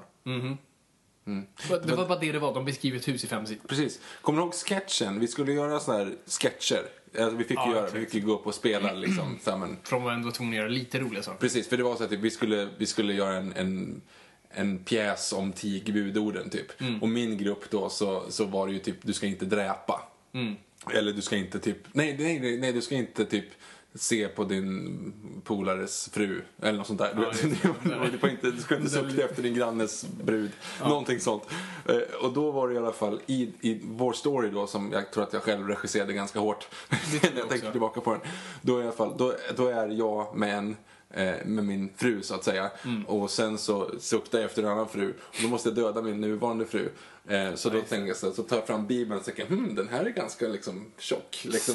Spetsig, tung. Spetsig, tung, precis. Och så, typ så här, typ, viftar i luften lite grann med ungefär som att jag, att man hintar om att man ska slå en i huvudet på henne. Men istället slår jag upp eh, då sidorna med tabernaklet och läser om tabernaklet så hon dör av uttråkning. kan jag Det är fan jävligt smart för en 15-åring. Jag vet, jag tycker ja, den är ganska det är sån bra. här file it. Ja, precis. Far till en framtida sketch. Eh, Vi gjorde en ganska rolig sketch. Den stora sketchen. den typ stora dagen. sketchen, jag kommer dock fan inte ihåg den. Vi gjorde som en talkshow. Alltså Ja. vi gjorde jättemycket olika inslag. Ja, typ en variety show. Ja men precis, ja, men typ Jimmy Kimmel. Alltså det, var, det var en sån, eh, en hel galakväll. Mom deserves the best, and there's no better place to shop for Mother's Day than Whole Foods Market. They're your destination for unbeatable savings, from premium gifts to show-stopping flowers and irresistible desserts. Start by saving 33% with Prime on all body care and candles. Then get a 15-stem bunch of tulips for just $9.99 each with Prime. Round out Mom's menu with festive rosé, irresistible berry chantilly cake, and more special treats. Come celebrate Mother's Day at Whole Foods Market. I'm Sandra, and I'm just the professional your small business was looking for. But you didn't hire me because you didn't use LinkedIn jobs. LinkedIn has professionals you can't find anywhere else, including those who aren't actively looking for a new job but might be open to the perfect role, like me. In a given month, over 70% of LinkedIn users don't visit other leading job sites. So if you're not looking on LinkedIn, you'll miss out on great candidates like Sandra. Start hiring professionals like a professional. Post your free job on linkedin.com/people slash people today. Millions of people have lost weight with personalized plans from Noom, like Evan, who can't stand salads and still lost 50 pounds. Salads, generally, for most people, are the easy button, right? For me, that wasn't an option. I never really was a salad guy. That's just not who I am. But Noom worked for me. Get your personalized plan today at Noom.com. Real Noom user compensated to provide their story. In four weeks, the typical Noom user can expect to lose one to two pounds per week. Individual results may vary. Helt sjukt att de lät oss göra det ändå. Alltså, Det var så här, roliga timmen, någon som ville göra någonting och vi bara oh, oh, oh, oh, oh, oh, pick me, pick me. och så gjorde vi så här? Snälla någon annan. Så gjorde typ en 40 minuter lång bara liksom Ja, sketch. Och jag, och jag var typ så här program, lite såhär en manege med Glenn Killing just Så jag var programledare och så hade vi bara folk som kom ut och körde sketcher hela Just tiden. det, just det faktiskt. Och då var det bland annat då att vi sa liksom, ja, ah, välkommen. Några grejer var ganska roliga, några grejer var ju skit. Men några grejer som jag kommer ihåg i mitt huvud så här idag är det ganska roligt. Mm. Typ när vi säger liksom, åh, snart, från första början så här, och ikväll har vi bland annat med oss Elvis Presley, Way! så här. Och sen så när vi hela tiden hintar om att och efter pausen kommer Elvis Presley Mm. och efter pausen kommer Elvis Presley och sen när vi väl kommer in på själva grejen då, så här, Mm. nu har vi dags för Elvis Presley och så kommer bara en studioman ut liksom, Mm. och gör så här tecknet framför halsen bara, nej, nej, nej, nej. Vadå, vadå? Och så viskar i mitt öra liksom, och får man säga, oh shit. ehm, Oj, ehm, jag är jätteledsen. Jag måste bara informera om att Elvis Presley har avlidit. Och så är det någon som säger, när då? 1977. Vilket var lite kul. Jag tycker det är kul. Jag tycker att det är ganska roligt. Vi hade våra grejer. Jag, det, var, jag kommer, det enda jag kommer ihåg att jag gjorde var att jag, jag kom ut och skulle sjunga sång som Gollum. För att det var under min så här, Gollum ha- high days liksom. Jag gick på kokain och fick alla brudar för det jag gjorde. Men, nej. Eh, men jag hade gjort mig... Det enda jag var populär på var att göra det, Gollum-rösten. Och så folk ville alltid att jag skulle göra så. Okej, fine, vi gör en Gollum-grej. Och det var typ jag som bara sjöng en sång. Och sen, När du sjöng, du sjöng eh, Gollum-sång, Fish is cool, nice Ja, and det. Du vet, och sen så börjar Smeagol... Goll- Gollum ja, Ja, precis. Smeagol sjunger och så börjar Gollum snacka och så börjar snacka med dig själv och sen slutar med att du stryper dig själv. jag gjorde då, illa mig ganska mycket för jag drog ut mig själv. nej, det kommer in två personer och drar dig i fötterna ut. Är det så? Jag fick mig att jag det är liksom- runners. Nej, men du stryper dig själv och Ja, då, då precis. två, två runners kommer och kastar ut dig. Ah, ja. Du Allting slutar med att runnersna kommer in och Ja, kastar ut kastar ut den som var där. Och så var det också en person som kom in då och säger så här, ja men jag är en utbrytarkung. Alltså, så här, jaha, vad ska du göra? Nej men jag ska hålla andan väldigt länge under vatten. Ja, hur länge då? Ja, vid 45 minuter. Vilket är ganska roligt. Eh, för då, då så, så säger han då, så, ja nej men, ehm, nej men du vet man sitter typ, man står i duschen och så håller man på liksom att tvätta håret och så bara, oh, oh, oh, där, gick det, där gick det en kvart och jag har inte ens tänkt på det. Alltså jag ska göra lite, lite samma sak. Så att han, så liksom off screen så att säga, så skulle, låser han in sig och sen så lite grann där också så frågar man efter typ 10 minuter bara, hur går det för våran uh, utbrytarkung? Och då är det någon som kommer in och bara gör som ett döds, dödstecken. liksom ah, ja. Nej fan, vi, ha- vi hade några idéer. Vi alltså. hade några eh, roliga... Jag vet inte ens hur vi kom in på det. Det roliga med konfirmationsläger var att man var så jävla skeptisk i början. Jag är väl fortfarande skeptisk, men man sjöng fan med sångerna på slutet. Alltså, jag, jag har fortfarande... Jag kan, jag, vi kan ju sångerna. Ja, oh ja. Alltså, all, de, ja, det är två psalmer som jag tycker är för jävla det bra. går inte en bastu utan att vi körde igång någon av dem där. Liksom. Nej. Leva under ett vattenfall och eh, Min Jesus, min Herre. Ja, precis. Eh, det är weird. Hur som helst, eh, det är inte därför vi är. Vi ska prata om en annan Jesus slash Moses. Ah. Det är Superman. Vi pratar om filmerna. och vi har ju sett filmerna. Och eh, vi ska inte prata om Superman the Moment. Vi gjorde det en liten stund och det är inte så mycket att hänga i julgranen. Nej. Men vi har Superman från 1978 då. Av Richard Donner. Alltså, jag såg om den nu. Jag hade, hade inte så mycket liksom höga tankar om den. Men nu när jag såg om den på Blu-ray också bara Jesus vilken cool film det här är. Jag har ju ett jättemajor Vi problem. kommer till det. Ja. Men filmen öppnar svartvit på liksom en, eh, alltså på en, eh, vad ska man säga, filmskärm. På några liksom draperier som åker upp liksom som på en bio och så ser vi att liksom barns händer som läser action comics. Mm. Eh, och pratar om typ The Daily Planet, om hur de har förvarat liksom, sanningen och allt sånt där och integriteten genom alla år. Och så zoomar vi in där på Daily Planet som är tecknad, sen blir otecknad, sen går vi förbi den som att det vore, som jordgloben blir jordgloben och sen så ser vi månen. Och sen kommer den här, du vet, supercoola blåa texten som bara whoosh, bara och exploderar liksom i skärm och hela liksom, för det har varit så här 4-3 format och det går upp i widescreen och musiken säger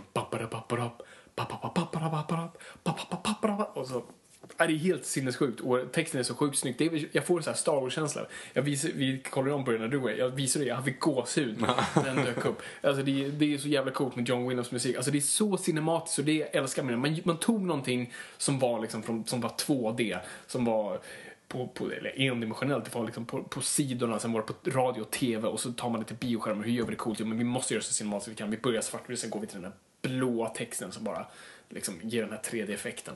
Och det är helt fantastiskt. Och, och alltså, lå, liksom temat som är, som, som Richard Donner sa, liksom, det är den enda låten jag kan, se, kan, kan komma på som pratar, eller som sjunger. Superman, alltså den, den, den liksom, du hör Superman i liksom, låten. Ascoolt. Uh, och så reser vi genom rymden. Alltså det är jätte, liksom, ändå bra effekter och sådär. ja, det är samma år som Star Wars. Eller året efter kommer den ut. Ja, precis. Så de har ju inte ILM alls där som hjälp. Och sen så kommer vi till Krypton. Och första repliken som, som sägs av Marlon Brando är ju This is no fantasy. Och då vet man direkt bara Fuck it, yes! De, nu, nu gör vi det här på riktigt. Det är liksom det, är det här vi ska göra nu. Vi ska, vi ska få er att köpa det här. You will believe a man can fly. Jag, alltså, du, ja, du såg alltså, sen, ja. filmen där, skitsnygga med det här liksom, Ja, konstiga det- fängelset eh, som Zod och, och Ursa och någon sitter i liksom. Ja, nej, men det är ju, det är ju en högbudgetfilm, no Mm. shit liksom. Den är ju väldigt välgjord, verkligen. Ja. Och sen kan vi ju prata om Marlon Brando som man ser läsa sina cue cards. som alltså bokstavligt talat phoning it in. Alltså, han tar vet, de här pauserna mellan repliker och man ser hans ögon, du vet så här, Som när du kollar nära på en nyhetsuppläsare läser text. Äh, så gör han. Det, så mycket fick du för två miljoner. Det är helt sjukt. att Det är så inte- kul. Kollar man på, så att man, innan man släppte en stor film, ofta så brukar man, om Warner Bros skulle distribuera det, om de ägde en tv-kanal, jag tror inte de gjorde det vid det här laget, men man brukar sända tv-specialer, som typ så här behind the scenes. Och då sitter, det är ganska kul för de är ganska öppna med det och frågar Marlon Brando så här, ja men du har fått två miljoner för det här liksom. Ställer du bakom det liksom? uh, well you feel when you when you when you're working with a crew and and you get two uh, twenty thousand you get uh, two teeth when they're smiling at you and when you when you have fifty thousand you get four teeth and when you have well you have a million you well you get the full white cemetery right there Jeez, han pratar öppet om hur folk ler mot dig när du får pengar. Nej, gud. Alltså. Ehm, också, han, han försöker försvara sina cue cards, att det ger honom mer frihet att liksom agera. När man har replikerna. Fast han agerar ju knappt. Han går ju bara Nej. omkring som en trött mössa liksom. Ja, men verkligen. Eh, men hur som helst, i Marlon Brando så det är skitcoolt. Eh, och, han, och det här också, jag tror den här filmen som etablerar att S inte står för Superman utan S är ju hans familjemärke. Mm. Ja, liksom, för att mm, han, han har, Jorel har ju det liksom, på sitt bröst. Precis. Också dock den här lilla krull, krullen i pannan. Eh, men vi inleder med den i alla fall och Saad som, som hamnar i Phantom Zone, den här glasskivan som inte är super Inte jättebra, nej. Eh, och sen, eh, ja, sen ser vi då hur, hur planeten förstörs och hur lilla skeppet med Kal-El åker mot jorden. Och han typ tillbringar år där, för när han kommer ut så är han liksom en fullvuxen pojke. Eller han är typ tre, fyra. Frågan han han äter och vart han gör sina behov. Det vet jag och, inte. Och, och, och hela tiden så hör han sin fars röst i sin lilla farkost som berättar för honom typ jordens vetenskap, pratar om Einstein och allt annat. Och sen har han med Ma och Pa Kent och växer upp där och vi ser honom typ som en så här vilsen tonåring när han typ så här inte får dejta Lana och han kickar, du vet, fotbollen som flyger flera mil och allt sånt där. Och sen så typ hittar han, sen dör ju hans farsa. De, det ändrar de där att hans farsa måste dö liksom. With all these powers, för han får en hjärtattack liksom. With all these powers I could do so many things but I couldn't save him. Och det är så fint liksom, det visar liksom alla saker som Superman kan göra. Han kan ju inte liksom bota någon. Ehm, det finns inte på kartan. Och sen hittar han ju då den här gröna kristallen som Jor-El har lagt bredvid honom och så tydligen så kallar det honom upp till Nordpolen. Där han kastar den ner i vattnet och den då bygger The Fortress of Solitude. En plott som kommer tillbaka. Eh, och sen ser vi honom i stort sett gå in där och sen flyger han ut som Superman. Så jag vet inte om han, där tillbringar han också några år för då är det ju mm, Christopher Reeve som kommer ut. Och sen efter all det så klipper vi till Metropolis som är New York. Men det som är så bra, som jag sa till dig också, den första scenen på Metropolis, liksom, vi skulle kunna ha en flygande bild, vi skulle ha mest coola, liksom, men det är inifrån en taxi. Och det också säger, precis som du sa, this is no fantasy, det här är på riktigt, liksom, det här är nitty and gritty, liksom, vi är nere, liksom, nere på gatorna, i b- bakluckan höll på att säga, men baksätet på en taxibil. Eh, och det här ska vara den riktiga världen. Och, och så möter vi Clark Kent som precis har fått ett jobb på eh, Daily Planet. Och jag tycker, jag tycker hans Clark Kent är skitbra. Du vet, han är den här killen du vet som, som du inte... Han är så pinsam så du inte ens vill titta på honom. Du vet. Han är så jobbig och liksom awkward. Så jag bara, åh gud, stackare, jag tycker synd om dig. Jag vill inte vara, åh nej. Uh, för du vet, han, han ska öppna en liksom, läsk åt chefen men han, liksom, det råkar spruta vilt liksom. Allt sånt där. Ja men du vet, bara coolt på så vis. Och han har en helt annan hållning, han hukar sig framåt och ner. Det är det som är också coolt från så här All-Star Superman som pratar om, jag vet inte om de säger det i serien, men det, om man kan läsa deras så här Grant Morrisons anteckningar, typ att liksom, eftersom Superman har superstyrka och liksom kan allt, så kan han huka sig hur mycket han vill och forma sin kropp utan att få ryggproblem eller skada sig. Så som Clark Kent så har han ju typ krökt sin egen rygg. Och gett sig själv en dålig hållning, alltså en riktigt dålig hållning på riktigt liksom, så här puta ut många, för han har ingenting som så här håller tillbaka honom att inte göra det. Mm. Och det är lite samma sak här, Christopher Reeve, en helt annan liksom. Jag, någonstans köper jag att folk inte ser honom som Superman. Dock köper jag fortfarande inte Lois Lane. För att Nej, hon, alltså hon tillbringar så mycket tid med båda dem. Du kommer inte undan liksom, den dumma grejen där. Det har de ju kommit undan nu i Man of Steel förvisso, men jag vet inte hur de ska lösa det i övrigt. Men alltså just den här grejen att det är fortfarande bara samma snubbe fast är briller. Alltså du ser skillnad. Så mycket ändrar inte briller ett utseende. Framförallt inte om du typ är kär i båda de två. Någon borde ju nämna du, ni är Mm. Fast Man of Steel lika. vet Lois Lane. Ja men det är det jag menar. Ja. Men Man of Steel så har de inte det. För att då Nej, precis. Jag de- står tvärtom. Mm.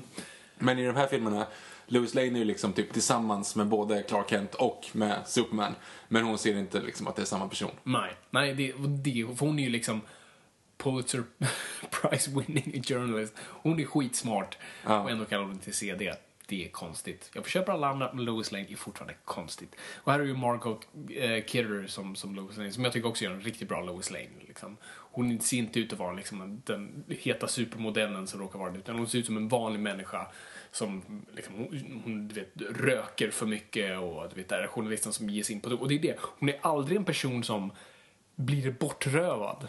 Mm -hmm är då Lois Lane som bäst, för hon är inte den liksom damsel in distress. Varför hon hamnar i knipa? För att hon söker knipa. Hon är den som liksom ger sig in i, hon går till terrorcellen och, och tillbringar tid där. Du vet. Hon, hon, ser hon ett problem så springer hon mot det.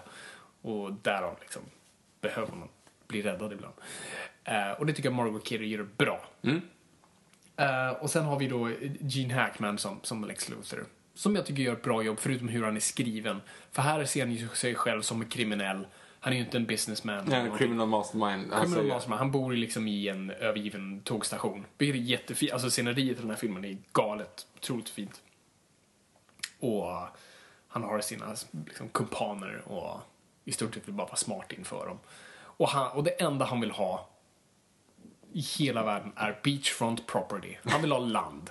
Så plotten i den här filmen att han ska sätta av en atombomb i, Los eller i Kalifornien och utlösa då tydligen en eh, jordbävning som kommer typ sänka hela eh, West Coast. hela West Coast i vattnet. Och då, så han har köpt upp massa öken, bara för det är ju bara öken bakom Los Angeles och allt det där som är värdelöst. Så han har köpt det jättebilligt så då, när han har det ska han kunna sälja det. Ja, han, han vill bli liksom real estate och tjäna massa pengar på Ja, det. precis. Det är lite såhär, "Åh, är det det vi vill göra verkligen? Ja, det, den är, det är en ganska dum plott. Det är det. Men, och sen så, jag har extrema problem med slutet. Absolut, vi, vi, vi kommer till det. En annan cool grej är också bara att Superman dyker inte upp en typ en timme och 20 minuter. Alltså, mm, Ja, det det. tar Ja. jättelång tid för honom att, dyka upp och det är coolt hur man håller en film intressant på så vis. Eh, och sen när han väl gör det så, så möter han ju Lex Luthor och de har sig och sen kommer kryptoniten och allt annat. Och sen blir det då plotten, han, han, han, sätter av, han ska sätta av två kärnvapen. Och har super, och det är också ganska smart. Det är också ganska smart, du vet man har alltid såhär, ah jävla skurken ska, ska berätta sin plan. När de vet han, men här gör man det så att Lex Luthor berättar sin plan för att distrahera Superman. För medan han gör det så bara, ah men sorry Superman, jag har redan skickat upp de här två raketerna. Det finns inte en chans att du kan göra någonting åt det här. Eh, och så ger, liksom, har han en kedja runt den här kryptoniten och sätter runt Superman och bara dumpar honom i, i liksom en pool. Och Superman kan inte ta sig upp förutom då Mrs Tatchmaster som är hans kumpan som råkar ha sin mamma på de här ställena. Då, Alltså 50 miljoner människor. Men min mamma. Eh, så hon räddar Superman, Superman flyger upp. Och han misslyckas ju på så vis. Alltså, en atombomb går av. Han lyckas bli av med den ena och, och Lois Lane dör. Spoilers. Som inte har sett den. Eh, och då blir det den här väldigt kända, konstiga grejen. Med att Superman har misslyckats. Vilket är coolt. Bara, wow, nice att ni gick där. Men sen så, ja ah, men då kan jag spola tillbaka tiden genom att snurra runt jorden baklänges. Han flyger så snabbt runt jorden så att jorden slut, alltså roterar åt fel håll. Så då spelas tiden tillbaka. Nej, det, Det är bara så här, ja, alltså, det är bara alla grader av fel. Ja men alltså, o- en, om vi bara skiter i hur overkligt och sådana saker är för att det inte fungerar överhuvudtaget. Men fuck it, det är aliens och de flyger och skjuter Ja. laser med ögonen. Men det är bara så fel och så dumt för att då hade man ju kunnat göra det från första början. Det finns inga Alltså han hade ju kunnat spola tillbaka då så att Pa Kent överlever och bara sätta liksom här, ställa en doktor bredvid honom. Alltså du kan lösa allt. kan- Filmen ja, men- behöver inte existera Men om du Superman kan behöver göra sådär. Han kan sitta i soffan och kolla på nyheter och bara oh shit, uh, terroristattack Paris. Ah, ja, jag spolar tillbaka tiden och bara... Ja, precis. Jag, om, om några veckor. Jag, jag kollar klart den här serien jag ska kolla på och sen så bara flyger han tillbaka tiden. Alltså, det, det fuckar upp så mycket att han kan göra den grejen. det. För all, ingenting blir viktigt längre. Nej. Han, ingen, ingenting i hans liv framöver kommer betyda någonting. Nej, för att han har den kraften. Nej, det är fel. Ja, men det är så onödigt bara. Mm. Och sen konstiga krafter. Inte Nej, det är, det är tvåan han kan typ så här. Han kan spruta något från fingret så han kan sväva människor. Och här kan han, du vet, så här, han byter till sin Superman direkt i, mitt i luften. Bara med en sån här det, övergång. ja, just det. är inte ens att han tar av sig kläderna utan bara flupp så har han Ja, det blir, hans kläder blir Superman-dräkten. Ja, exakt. Och det, det är väldigt konstigt. Eh, så ja, och så slutar allting lyckligt liksom. Ja, för att han kunde spåra tillbaka tiden. Nej, det är så dumt. Jag tycker det är jättetråkigt. Ja, det Men de gjorde ju en tvåan samtidigt då. De gjorde en tvåa samtidigt som då eh, istället för Donner så Richard Lester fick ta över. Och det finns nu, nu kan man köpa en liksom Richard Donner cut som jag faktiskt inte har sett. Jag försöker hitta den men jag, jag har fortfarande inte gjort det. Men du vet att den slutar likadant som ettan va? Yes, det slutar med att han spolar tillbaka tiden igen. Vilket i och för sig makes sense. Ja, men det hade också gjort det hela tiden. Men. Men här är det då, då är det ju Sod eh, som kommer till jorden för att, uh, för att, glad, för det, ja, plotten är ju så att eh, Batman ska, eller Batman, Superman ska avvärja en missil, kärnvapen tror jag, och kastar ut den i rymden. Som råkar då sprängas i närheten av The Phantom Zone, som råkar bara vara på väg förbi, för den flyter ju omkring fritt i rymden. Så de var nära jorden vid det där laget, och då kommer Sod och Sod vill ju bara ha makt. Det är det enda han är ute efter. Han vill liksom bara, och det är ännu en gång, det handlar om mark. Han vill ta över liksom, okej, krypton är förstörd så vad ska jag regera någonstans? Okej, jorden, de verkar simpla. Jag tar, jag tar det här. Ja. Ehm, This is mine now. Precis. Och sen så såklart så får han reda på att Kal-El finns där som är då, han vill ju, han vill ju inget annat än hämnas på Jor-El och så nu kan han ta ut det på Kal-El. Ehm, ja, och det är alltså, alltså den är ju lite, alltså det finns både sämre och bättre saker. Det som är lite bättre är att alltså Terrence Stamp är helt fantastisk i den. Uh, spelar verkligen över fast på ett bra sätt och är verkligen så överdramatisk. Um, och, det, och han Sod är en cool skurk på så vis. Det är lite mer för Batman att ta i. Eller går det nu? Sorry, nu har podden gått för långt.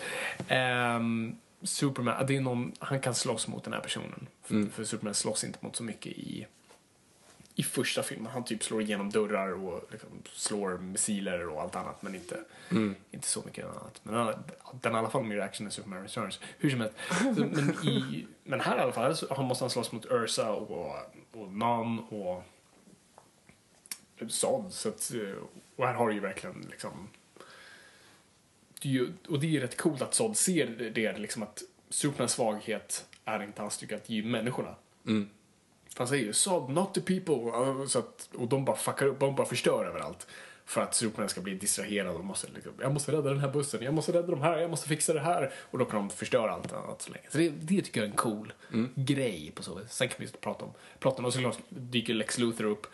Och han vill ju göra en deal med, med Zod. Så här, Fine, jag hjälper er för han vet vad Fortress of Solitude är. Han vet vem, liksom, alla saker om Superman och han vet att eh, Lois Lane är hans kärleksintresse och sånt där. Så att han ger dem all information i utbyte mot en sak. Vad, kan, vad tror du det är, Victor? Land! Land! Han ska få Australien.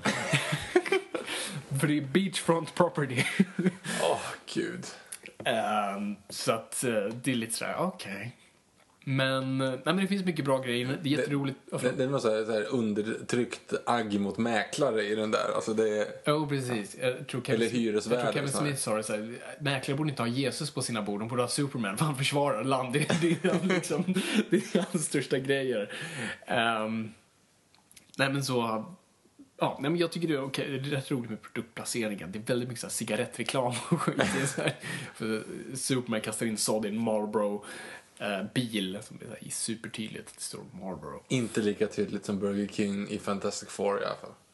Uh, nu kommer jag inte ens ihåg det, så det har inte märka. Den sämsta produktplaceringen någonsin näst efter Peter Stormars Hamilton som dyrker upp ett lås med ett Statoil-kort. Eh, då är- de, de håller ju på, när de kommer ut bland de första gångerna, liksom Human Torch har varit ute och flygit så där, då kommer ju Ben Grimm ut. För han- Human Torch står ju och snackar liksom, we call it a thing. Och då kommer ju eh, the thing ut och så här, ah, you there, och så slår han honom. Så att han flyger eh, brinnandes och landar på en jättestor skylt. Just som det det. står liksom grilla till godast. Just liksom, på, och så var en bild på, på en hamburgare och när Human Torch träffar den så börjar den att brinna. Och så liksom, ja. Ja, nej, det är fan sant. Och fan, ja. Batman och Mastercard eller vad det där är liksom. Never leave the cave without it. Och så! Och så expiration date forever. Eh, yes, det, det, superhjältefilmer har en väldigt lång historia med produktplacering. Jag tror uh, bara Spiderman, den första Spiderman-filmen verkligen surfar på en Carlsberg uh, lastbil. Och skjuter Dr. Pepper. skjuter Dr. Pepper och allt annat. Så att, går inte att vara utan på, på så vis. Hamilton, alltså har du sett den Hamilton-grejen? För den, Nej, den är så inte ful. Jag tror att det är samma som Mark Hamill är med. Ja, det, det är väl den enda som Peter Stormer gjorde. Jag tror den med Mark Hamill. två. Var det kanske gjorde en? Ja, skitsamma. Det är i alla fall, eh, för då han ska dyka upp ett lås och så drar han upp liksom Mastercard, eller vad säger jag, Statoil. Statoil- Statoil-kortet. Statoil liksom. också, det är så bra. Liksom. Inte ens den coola bensinkedjan. Och, och liksom dyrkar upp låset med. Äh, det är så bra. Ja, nej, det, är- det är fantastiskt. Det är också för i Superman 1, jättekonstigt, när, när maken ser att så här, Clark har bestämt sig att gå, så hon så här, vaknar upp på morgonen, ställer sig i köket. Men innan hon ställer sig i fönstret för att titta på Clark så ställer hon perfekt ett cornflakespaket. Så här perfekt, där det är enda platsen där solen skiner lite, där det inte är liksom motljus. Så vi ser att det är cornflakes, sen tittar hon upp på sin son. Han kommer inte äta cornflakes. Kommer du ihåg svenska filmen Varannan vecka? Vänta nu varannan vecka. Känner igen. Felix Herngren. Ja, ja, just det, just det, just det, just det. Där gjorde de en väldigt intressant take på produktplacering. För där, han jobbade som reklamfilmsregissör. Mm. Eh, och därför spelade de in reklamfilmer. Alltså, Just de visade reklam sketcher. reklam. Fem gånger visade de liksom reklamsketcher. Liksom. Mm. Så en stor plottpunkt är att en av huvudkaraktärerna ska vara med i en kungsfågel... Eller, nej, vad är det? Jo, det är Kungsfågeln, fredag. Ja, fredag. På hon ska vara med i en sån reklam. Så hon står liksom, på torsdag är det ärtsoppa, på lördag är det fest, men fredag är en... Och så liksom och så bara ler liksom. Mm. Eh, Det är en ganska intressant take på att göra produktplacering i Men film. vilka är fler? Det, det påminner mig om så här, när reklam blir snyggt, när man liksom på något sätt erkänner att reklam är reklam. Ja, jag, nu kommer jag, inte, jag kommer ihåg den, jag tror att, jag vet inte så vilket märke det är, men det är ju den här sambotelefonen. Eh, eller pensionärstelefonen menar jag. Du kan inte ringa på den, eller du kan inte ens ringa på den, du kan bara svara på den. Det är bara en knapp liksom. Och så lägger de upp typ från Nokia eller vad det är. är det Någonting en sånt. film eller? Nej, det är en del ifrån varannan vecka. Jaha, jag tror, okej, okay, snygga reklam. jag, jag menar bara, ja precis, i filmer överlag. Wilson tycker jag är snyggt. Will, det var nog den jag tänkte på, den bästa, och Fedex. Fedex är ju sämsta dock, men Wilson är ju bland de bästa. Ja, det är en karaktär. När du får det till en karaktär. Produktplacering är en karaktär, jag kan inte komma på någon annan där man har, man har gjort det på så. Nej, det, det är faktiskt riktigt snyggt. Eh. Det skulle ju vara om... eh, Eller ja, det är inte produktplacering egentligen, det är ju faktiskt att han äger det. Men eh, Wall-E är ju en Apple, Apple-produkt till Just när exempel. öpp- när han startar sig. Ja, så är det. Apple-ljudet. Mm. Och det ser du ju inte någonstans förutom att du vet att det är Apple-ljudet, vilket gör att det är lite kul. Ja, det är smart. Men det är okej, för det är Steve Jobs och allt det där. Jo, precis, som äger. Men det hade varit coolt om det var en produktplacering mot Apple. Ja, ja, För det hade varit en perfekt produktplacering. Alltså ja, de som vet om det tycker att det är ascoolt, de som inte vet om det, de skiter i det. Ja, liksom. precis. Kontra eh, Nice Watch, Rolex, Omega. Beautiful, Bond har ju en historia med verkligen sämst. Sonny Eriksson, Sonny, ja, Sonny Tomorrow Eriksson. Never Dies, han ligger i baksätet och kör, Ja, det. och precis, kör bilen. Gadget på så vis. Nej, absolut. De har haft... Åh gud, de har sålt ut så Eller spelet Nightfire, när de har en Gillette eh, rak, inte rakhuvud utan så här rak apparat. Lödder. Ah. Nej, bra, Brown menar jag. Brown, ja. eh, rak apparat. Och det, i spelet så är det en rökgranat. Eftersom den sponsrade ju Die Another Day så Mm. Skulle den också vara med i spelet till Playstation 2. För så, det är 12-åringar som behöver raka för, sig. för, för rak apparat för 12-åringar. Och så, det, det dumma är att det är, ju- det är liksom, det är en rökbomb. Mm. Du har vanliga rökbomber och så har en rökbomb som ser ut som en rakapparat. Det bara fungerar som en vanlig rökbomb. Det är bara att de har liksom placerat till och med vet, i tv-spelet. Det är ju- så jäkla konstigt. Och då hade ju då rakapparat Another Day, för när, när Pierce Brosnan ska raka av sitt jävla Jesus-skägg så har man en rakapparat. Så det hade ju bara... Fattat eld. jag, må, jag måste erkänna saker i podden dock. Jag, jag hade slut på rak eh, hyvlar och, eh, och min hyvel var inte så jävla fräsch överlag så jag måste köpa en ny. Såg jag att gillat sponsrat Spectre. Och... Men vad fan, Går du på den där enkla... Men jag tänkte jag ändå behövde den. Sen blev jag besviken att det inte ens stod någonting på den där rakan. Det var bara en låda det stod Spectre på. Så tänkte jag, ah, men man kanske får någonting. För jag kommer ihåg Gillette tror jag sponsrade eh, Avengers och då fick man ändå en Avengers-grej på. Men herregud. Men det ju- Köpte du en Det rakapparat för stod att inte du... Spectre på den. Kö- Köpte du en rakapparat i hopp Nej, om att det skulle... rakhyvel. Rakhyvel. I hopp om att det skulle vara en liten Bondlogga Jag på tänkte den. att det och då kunde vara det någon, någonting unikt med Ja, den. herregud, för jag ändå köpte skiten. Ja men du är ju precis det vi pratade om tidigare, att du inte vill ha typ Batman-parfymer utan du vill ha parfymer som Batman har. Det är ju precis samma princip. Jag vet, han rakas inte i den filmen. I know. Men, Men det är ju det som- jag, det är det som är jag hade en svag sekund, okej. Jag var på nätet. Dricker du bara Heineken också då eller? Eh, jag dricker bara Smirnoff vodka dock. Och Gordon Gin. För att Bond dricker det. Eh, en intressant annan, en till sån produktplacering som inte är en riktig produktplacering, det är ju filmen Flight. Ja, eller vad fan är de sponsrade där då? Nej, det är det som är grejen. De, det är ingen sponsrar för den handlar om en alkoholist. De vill inte ha massa, de vill inte sponsra med sprit. Nej. Liksom. Så att varenda gång han dricker så är det olika spritsorter. Typ alla spritsorter i hela världen det är typ aldrig- med. det är aldrig en Det är aldrig en samma, han har aldrig samma typ av öl sant. eller sprit. Vilket jag funderade på, för jag såg den relativt nyligen och var så här, bara, hur fasken, för det första är typ Smirnoff eller vad, bara, Mm. va? Hur kan Smirnoff tillåta det här? Och sen bara, aha, see what they did there. För då är det liksom olika, Olika sprit och öl varenda gång. direkt liksom. Hmm. Smart där. Ja, och det är antar att de inte frågade om lov innan utan de bara liksom körde. Ja, jo precis. Antar det. Eller Jag vet inte hur sånt där faktiskt fungerar.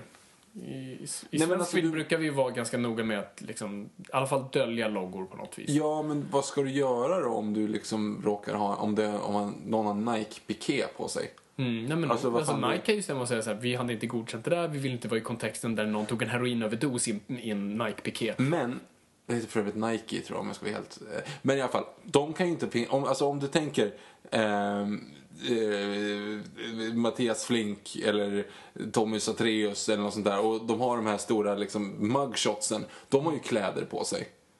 Alltså det är jätteofta jag sätter på Efterlyst med så här någon blodig jacka och så är det liksom, ser man att det är eh, eh, Fabians jackor AB som har liksom en loggan på. Mina jackor är väldigt legitima och har... Skojar. Nej men, ja, men, ja, men vad fan, det kan ni ju inte ha kontroll över. De kan inte ha kontroll över allt sånt där. Alltså om du säljer ut en produkt som, som Fast där vem- vad som helst kan användas. efterlyst. Det är ju lite såhär, ah, real life, sorry. Jo, men, men låt oss säga, ja, men, ja, ja, självklart det inte, går inte att jämföra så. Men menar, om du har en produkt som du inte har ansvar för, som du bara trycker ut. Mm. Då kan du ju inte ta ansvar för vad, vad de gör med själva produkten sen. Nej, nej, men i film har du ju den kontrollen. Jo, men, men du förstår vad jag menar. Det är och där leder mig lite segway, en snabbis. Mhm. Där borde ju kunna kopplas i så fall till, ehm, till exempel om, om vi skulle gå in på Disney Store och, Yes. så, och så köper vi en... Vilket vi inte alls gör ofta. Absolut inte. Vi köper ett, ett, eh, ett fake lasersvärd och sen så slår vi expediten med Vad lasersvärdet. hemskt. Skulle, skulle vi skulle vi eller Disney Store bli eh, anklagade då? Vi? För det är vårt ansvar eftersom vi är där. Ja. Precis. Kom ihåg det nästa gång det blir upplopp inne på någon av fotbollsarenorna. Vad sa du du sa om eh, Superman? Political. Ehm,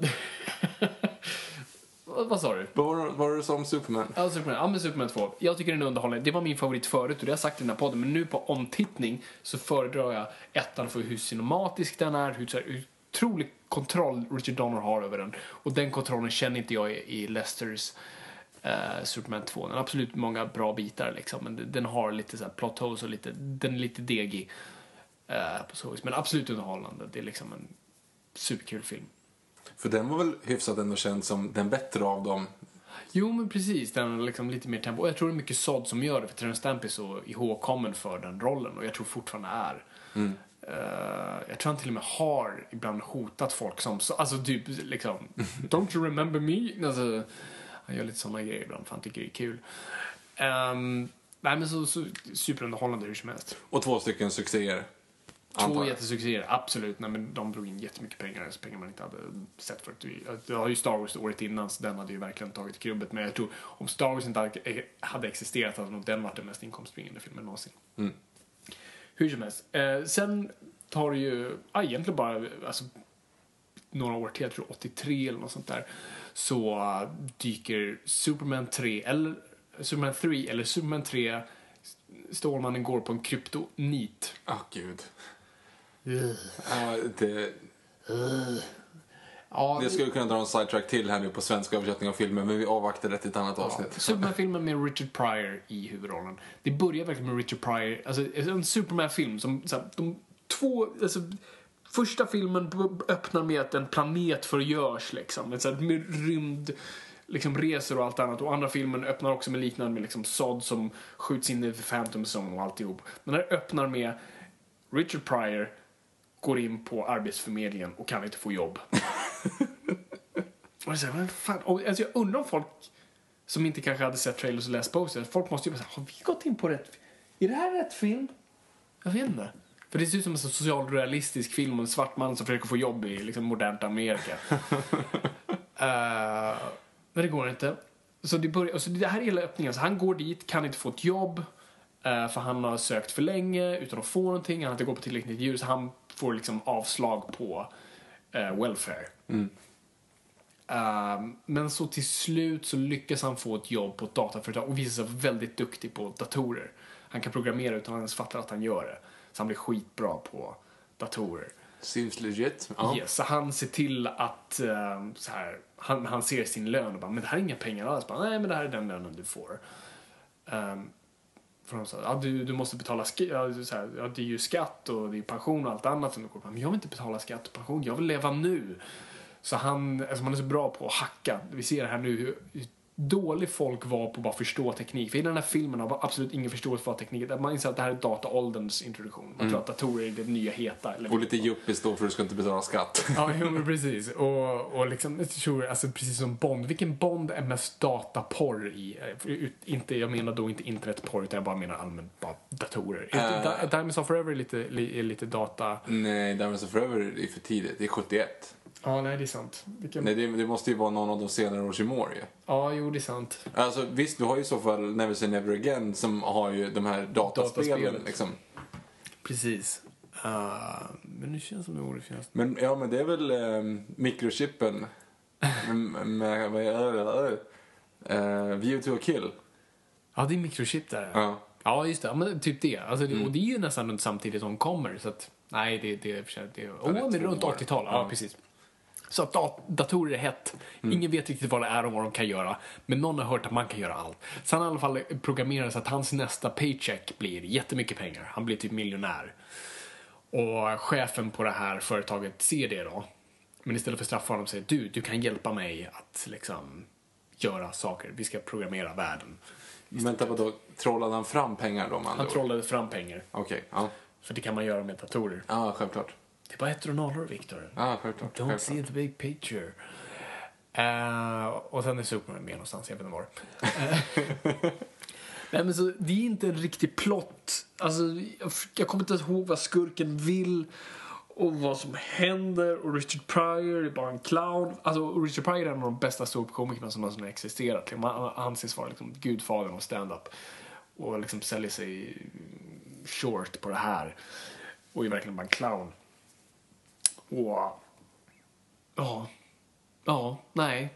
Nej, alltså det hä- händer ingenting i den här. Den är tråkig helt enkelt. Det är. Alltså den är ju tråkig. Det, det kommer till en punkt då de bygger en superdator i alla fall som kan, så här, som ser motståndarens svaghet och typ gör det. Sen den kan typ göra kryptonit mot Superman liksom, eller något sånt där. Den gör massa Jättekonstigt. Och så råkar en av de här kumpanerna, den här da- datorn får typ självmedvetande. Så att en av kumpanerna blir indragen i datorn, blir en cyborg vilket är sjukt obehagligt, för det ser ut som en scen ur Evil Dead. Jag ska inte kolla på den, det är obehagligt på riktigt. Väldigt snyggt gjort, för att hon liksom, i så här jump cuts blir hon liksom en cyborg. Eh, och vill typ döda, men Superman bara puttar ner henne så då är det lugnt. Alltså det. Men här, här finns i alla fall den kändaste scenen, för de försöker ge Superman kryptoniten en gång. Fast den här gången handgjord kryptonit, liksom mänskligt gjord kryptonit.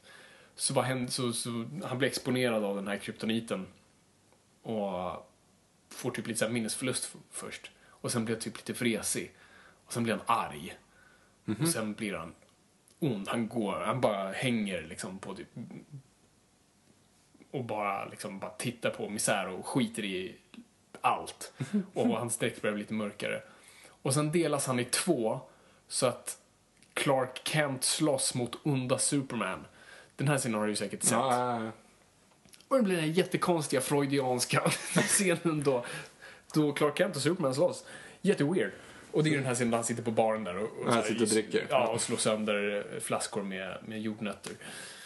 Ja, det, nej, det, det, det går en parallell här mellan Spiderman och Superman med tanke på Superman 3 och Spiderman 3s Ja, det är fan eh, sant. emo. Ja, men så, så Clark Kent slåss mot, för det som blir två olika kroppar, jag förstår inte ens hur det fungerar. Än en gång diffust med, med Supermans krafter. Också värt att nämna, vilket vi glömde, att i Superman 2, det glömde vi helt, så ja, plotten med Superman är, och varför han inte stoppar så det är att han blir tillsammans med Lois Lane och, och uh, erkänner sin i, sanna identitet.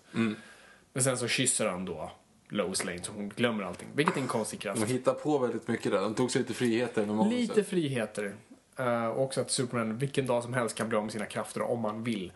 Mhm. Eh, han kan ju gå in i maskin i Fortress of Solitude och bli av med det. Och sen få tillbaka dem, så det är ju... Det kan de ju i. Fantastic Four också, så det ska du inte säga någonting om. Ja, just det, det, det är sant. Mm. Hur som helst, trean... eh, ja, nej men sen slåss mot sig själv. Det blir en konstig freudiansk grej när han stryper sig själv. Ja, det är jättekonstigt. Och sen blir han då Superman när han har dödat sitt onda jag. Men sen går allting helt åt helvete. Sen går allt åt helvete för att de ska göra en till film för det är såklart saker de tjänar pengar på det här och Soul Kinds kan sälja ut sig på, var som he- på vad som helst. Så att de gör Superman 4 The Quest for Peace. Som vi precis såg, och helvete vad dålig den var. Det var ju liksom, Christopher Reeve vill egentligen inte göra det här. Han sa fine Warner Brothers, jag gör det här så länge ni betalar för mitt pet project. Liksom, jag vill göra en film som ni måste finansiera. Som heter Street Smart tror jag med Morgan Freeman. Ehm, och budgeten är tänkt på typ 60 Nej, 36. 36. enligt- Ja, eh, sa. miljoner dollar. Vilket är mindre än första filmen men ändå en okej budget. Mm. Sen så typ går ett av företagen som ska finansiera i konkan så budgeten blir 17 miljoner. Ja, precis. I, när manus och alltihop är klart. Så att det är Ja. liksom ganska mycket att katta. Så de bara, fuck it, vi kör ändå. Vi, vi sparar in på lite specialeffekter. Äh, vi använder samma flygbild, skitsamma. Och så gör vi The Quest for Peace. Nej, det, var, det var riktigt dåligt. Det var riktigt, riktigt Ja, men dåligt. det är en plåga. Alltså, det går inte riktigt att titta på riktigt. Det handlar om att Lex Luthor har fått en plan att han ska kunna skapa liv. Så han lägger i lite hudplasma, Supermans hår, en tygbit, sätter på en atombomb, kör in den i solen och skapar, inte Nuclear Man. Men, Jo. Ja, det är Nuclear, Nuclear Man. Man. Tänkte på, vad heter han i Simpsons? Radioactive Man. Radioactive Man. Ja, Nuclear Man. Ja. Destroy Superman. Eh, och för, för också var, och Christopher Reeve har, har fått vara med och skapa storyn till den här filmen. Han har story credit för han vill göra liksom, Superman political. Genom att Så dumt. Superman skulle då göra sig av med alla kärnvapen i världen. Och hur gör man det? Jo, man går och sätter sig på FNs möte där med alla ledare och säger man så här. Hej, vi tar bort alla kärnvapen och alla ja. ställ, ja, precis. Jag, jag tar bort alla kärnvapen och alla ställer sig upp och applåderar. Men det är ju precis samma skit som de hade kunnat göra själv. Ja, ja, det var inget som Alla som, dem. sitter, alla som sitter där i rummet håller med. Varför, varför gjorde de inte det från första början i så fall? Ja, precis. Och varför låter de honom göra det? Vem litar på honom? Ah, ja, skitsamma. Ja. Han tar det, lägger allt in i nät, i ett nät. och för in det i solen. Och där tänker jag också bara, är inte det där dumt? Kan du bara kasta ut den i rymden? Låt det, låt det försvinna. Ja, för alla skjuter ju bara upp sina raketer upp i luften. Han behöver inte ens fånga upp dem. Låt Nej, skicka bara ut dem i låt dem gå. Ja. Uh, ja, det är jättekonstigt. Men, eh, så det är ett problem för Lex Luthor. Så, så det är det som också är Lex Luthors riktiga plan. Att nu finns ju inte några atomvapen. Så om jag mördar Superman med Nuclear Man så kan jag sen bygga atombomber och sälja tillbaka till, till världens ledare. ja, Och det, ja, det är plotten. det är plotten. Och sen har Nuclear Man spelar av någon jävla muskelknutte som alla hade gjort en film tidigare, gjorde aldrig en film efter den här. Nej, och han är dubbad han är av dålig. Gene Hackman. Han är dålig alltså. Riktigt det dålig. går inte riktigt att säga för Gene Hackman dubbar honom. Ja men överhuvudtaget bara i rörelser och alltihop. Alltså han, han är ju riktigt såhär Mad Max, Beyond Thunderdome-frissa liksom. Ja, och det är jättekonstigt för att han, han kommer ut i solen fullt påklädd.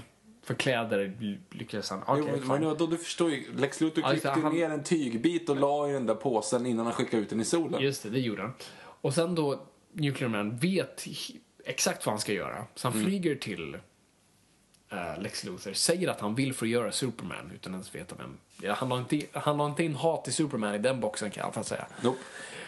Eh, så han vill förgöra Superman, but first I have fun, säger han. Och då ska han leka med typ Superman, alltså typ så här. Ja, ja. Och han har jättelånga naglar som man kan riva Superman. Och han lyckas till slut, de slåss jättemycket. För att det, de åker upp i rymden, slåss. Eh, Superman kastar ner honom på jorden igen, så han fuckar upp ännu mer. Förstör, han förstör först... Vad är det första han gör? Tåg, ja. Tåg? Nej, tåg är ju för fan ettan. Nej, det var inget. Jag kommer Jag ihåg vulkanen ihåg. i alla fall. Ja, vulkanen är väl kanske första då. Eh, och typ, jo men fuckar han inte upp? Nej, det var inget. Det, det var onda Superman som, som rättade till uh, lutande tornet i Pisa. Ja, skitsamma. Han Skitsamma. åker ner på jorden i alla fall, förstör. Fuckar upp. Sen Och så åker han upp i en slåss, nedkastad och förstör han en gång till och så blir han ner. Alltså det är... Tre gånger. Till slut så- så, ja. lyckas han riva Superman. Så Superman blir typ förgiftad. Nej, typ han blir gammal, sjuk. Han blir sjuk. Jo, men han blir ju som en gammal gubbe. Ja, i, helt från en scen till en annan. De, de har ju liksom klippt, de klippte bort typ Mm. Ja. 50 minuter av Jag minns filmen. filmen skulle ha varit två timmar och tio minuter. Mm. Nedklippt till en och en halv. Så att eh, det är mycket man märker saknas. Ehm, så han blir en gammal gubbe, tar en kristall som han har haft. Och sen så i nästa scen är han frisk, vi vet inte hur. Han var en gubbe, blev frisk. Också, subplotten är att, att Daily Planet har blivit mm, uppköpt av en så här ond kapitalist Ja. eh, och hans dotter.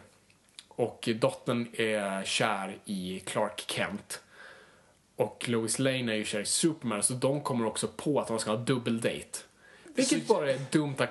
Här, Och Clark Kent var såhär, vad tror du om det här? Han var okej. Och han är inte ens intresserad av henne så han Nej. bara gör det för någon annan dum grej. Och det är ju bara massa problem för honom. För han måste då, du vet, så här, oj, jag tappar något här och så springer han iväg och blir Superman. Hej, jag är Superman. Alltså, du vet, åh, det, det är som en dålig, du vet, så här, när man gjorde teater när man var liten liksom. Ja, nej, för vi gjorde ganska bra på vår kompanläger. som ni hörde, det var ett mästerverk. Ehm, ja, det är konstigt. Och sen slåss han mot Nuclear Man. För Nuclear Man, när Superman dör, så ser han en bild på då eh, den här snubben som tagit över Daily Planet, hans dotter, och då blir han kär i henne och vill ha henne.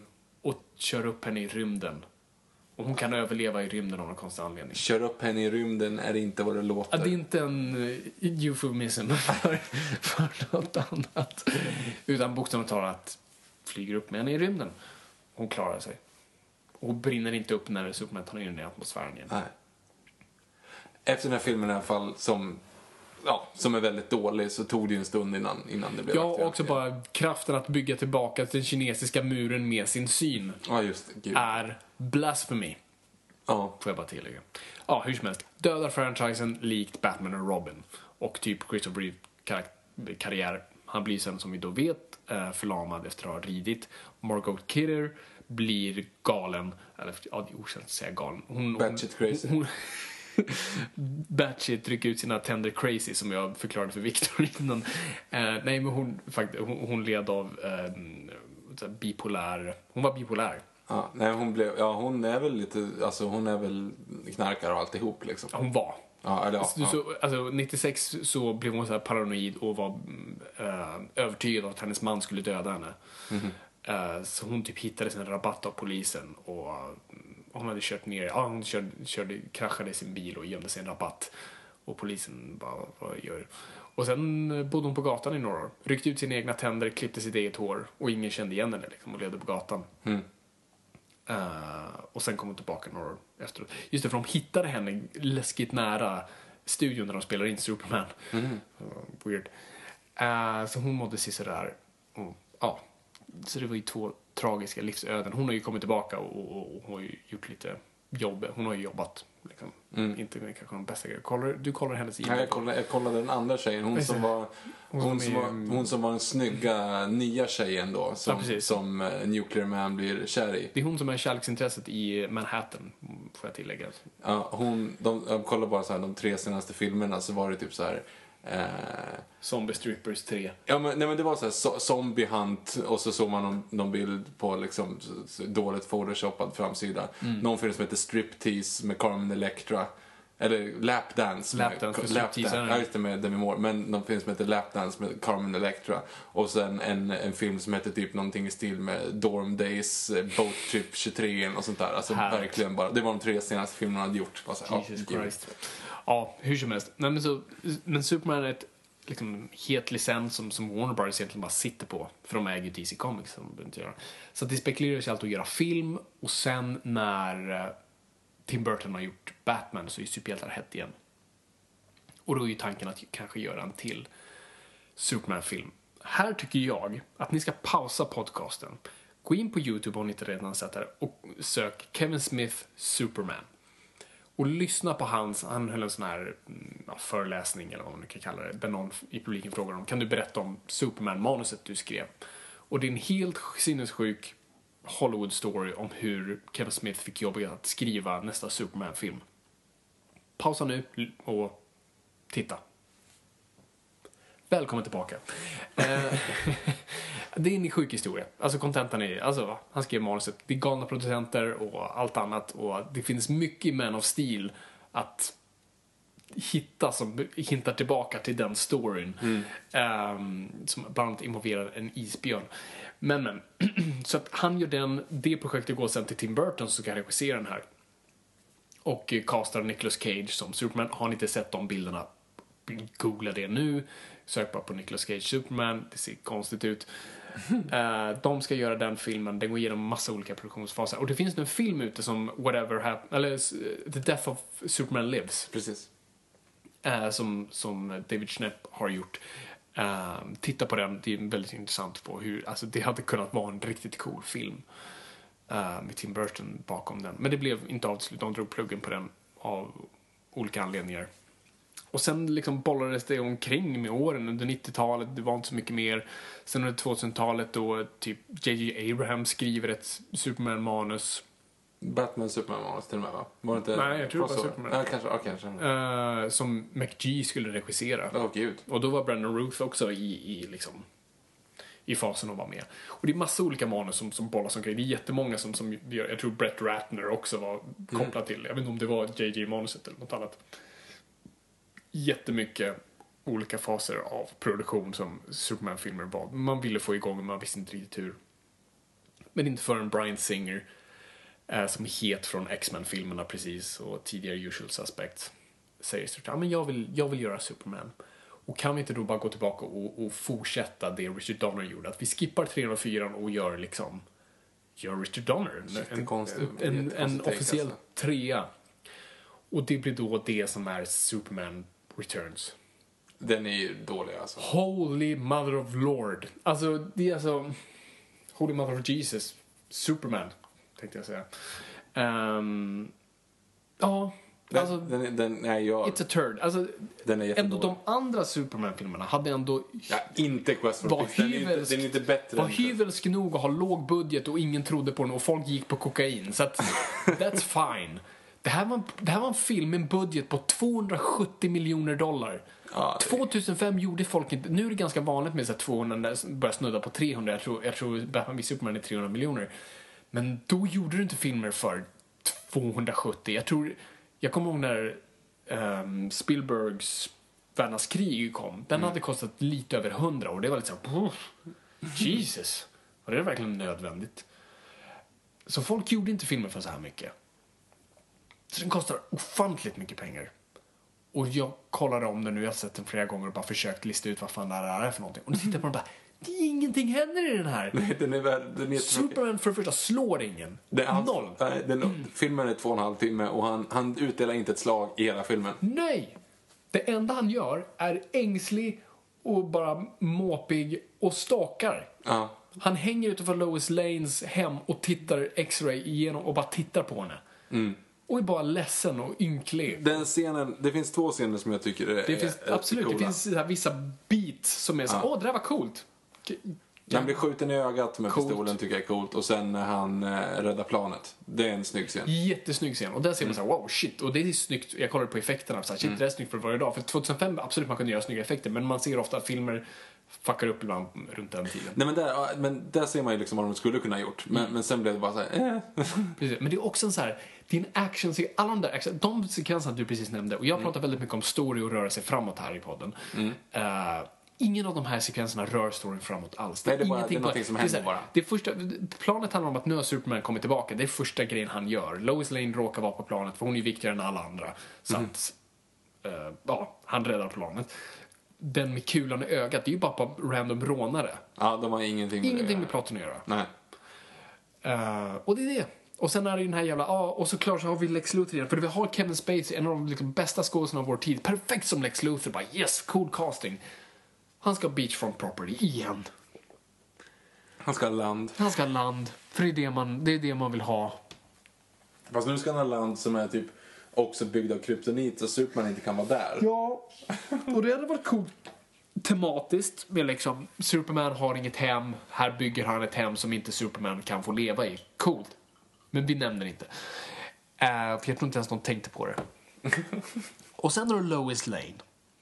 Kate, Som i Kate Bosworth. Kate Bosworth, som, som jag tror är, jag vet inte, hon ser ut som ett foster, så jag vet inte hur gammal hon är. Sorry. Men hon är ju typ 17 i den här filmen. Nej, hon är väl kanske 20 25. Ja, hon är väl som, som bäst 25. Och hon har liksom en karriär och en unge. Ja, som jag tror är lika typ. gammal som, som henne. Ja, men de, ja, det, det håller inte riktigt tidsmässigt alltså. Det Nej. gör inte det. Och... Hon är så dålig, för att hon är inte alls en bra reporter någonstans. Hon är bara klantig och dum och bara hamnar iväg. Hon är den som blir Hon är damsel in distress. Ja, ja, hon blir, hon blir tillfångatagen vad hon än gör. Kan inte liksom. göra ett piss.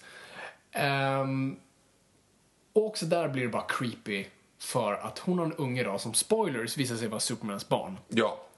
Så det betyder att han befruktade henne Ja. innan han kysste bort hennes minne. Precis. För övrigt vill jag bara tillägga, han kysste henne igen i Superman 4. Just det. För- att han avslöjar sin identitet för henne. Igen. Flyger omkring i två minuter och sen så säger han så här, "Ja, ja, ehm, hej då. Och så kysser han henne så att hon glömmer bort det. Jättekonstigt. Jättekonstigt. Så att hon ska då inte veta att de har en unge tillsammans. Nej, nej, nej, nej, nej, nej, absolut inte. Så hon har en unge med Superman och hon vet inte om det för att hon har inget minne om att de har legat. Och där är någon gång Kevin Smith sa, liksom, den frågan hon borde ställa Superman, When did you rape me Superman? Ja, men det är den enda, ja, ja, oh, ja. För att det är, liksom, det är ju den hemskaste grejen du kan alltså, utsättas som människa. Men vad, vad, har vi haft samlag? När hände det här? Vad, under vilka omständigheter var det? Jag inte, han har, han har rohypnolat henne, roofies. Alltså, Ja, det- ja, ja, oh, ja, oh, ja. ja, men det har han Och det här är världens bästa hjälte någonsin. Och sen så var han ute i, ute i eh, rymden och nu ser jag helt plötsligt en connection mellan två av de största franchiserna i hela världen. Mm. Eh, han befruktade eh, pannan på Kate, Bo- Kate Bosworth Ja, och sen så, Hennes hårlinje börjar i nacken. sen så åker han upp i rymden lite grann, hamnar på en avlägsen ökenplanet. Eh, gör precis samma sak med en kvinna som inte heller kommer ihåg vem hennes barns pappa är. Eh, who's the father? There was no father. Eh, sen åker de tillbaka till jorden igen och så utspelar sig Såklart, det är såklart det är. Absolut. Ja, men du har helt rätt. Ja. Ja, det är konstigt det här. Och de skrev ju in sig i ett riktigt jävla hörn där för att, alltså, hur skulle uppföljaren vara till det här? Nu har vi ju två Supermans. För Ja. den här ungen är ju, det visar ju sig att han är typ lika stark. Ja, oh ja. Jag vill bara också bara, jag vet att vi pratade om det här i tidigare avsnitt, men vet, att det är utvecklat på två olika planeter så är det helt omöjligt att ha samma genetiska uppsättning, så det kan inte bli ett barn.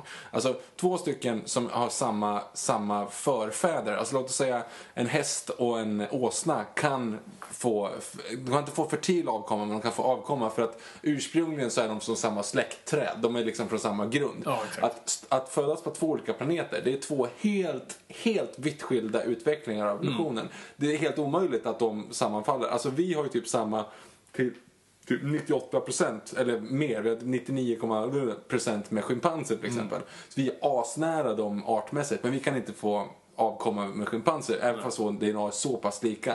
Så kan du tänka dig då att de ska på helt olika planeter utvecklas så pass lika så att med mer än typ 99,9999999% likadan eh, DNA. Det händer typ inte, det är helt omöjligt. Så de kan inte få ett barn. Dessutom, hur vet du ens? Dess, vad är oddsen för att de utvecklas så att de gör samma typ av reproduktionsritualer? Alltså, det har ju ingen aning om. Du, du, du vet inte ens om det är någonting där nere. Grej kan vara en grej med klor och... Sprutar laser. Alltså, du Ja. har ingen aning om hur, om hur det går till liksom. Nej. Alltså, det, det är ju helt annorlunda.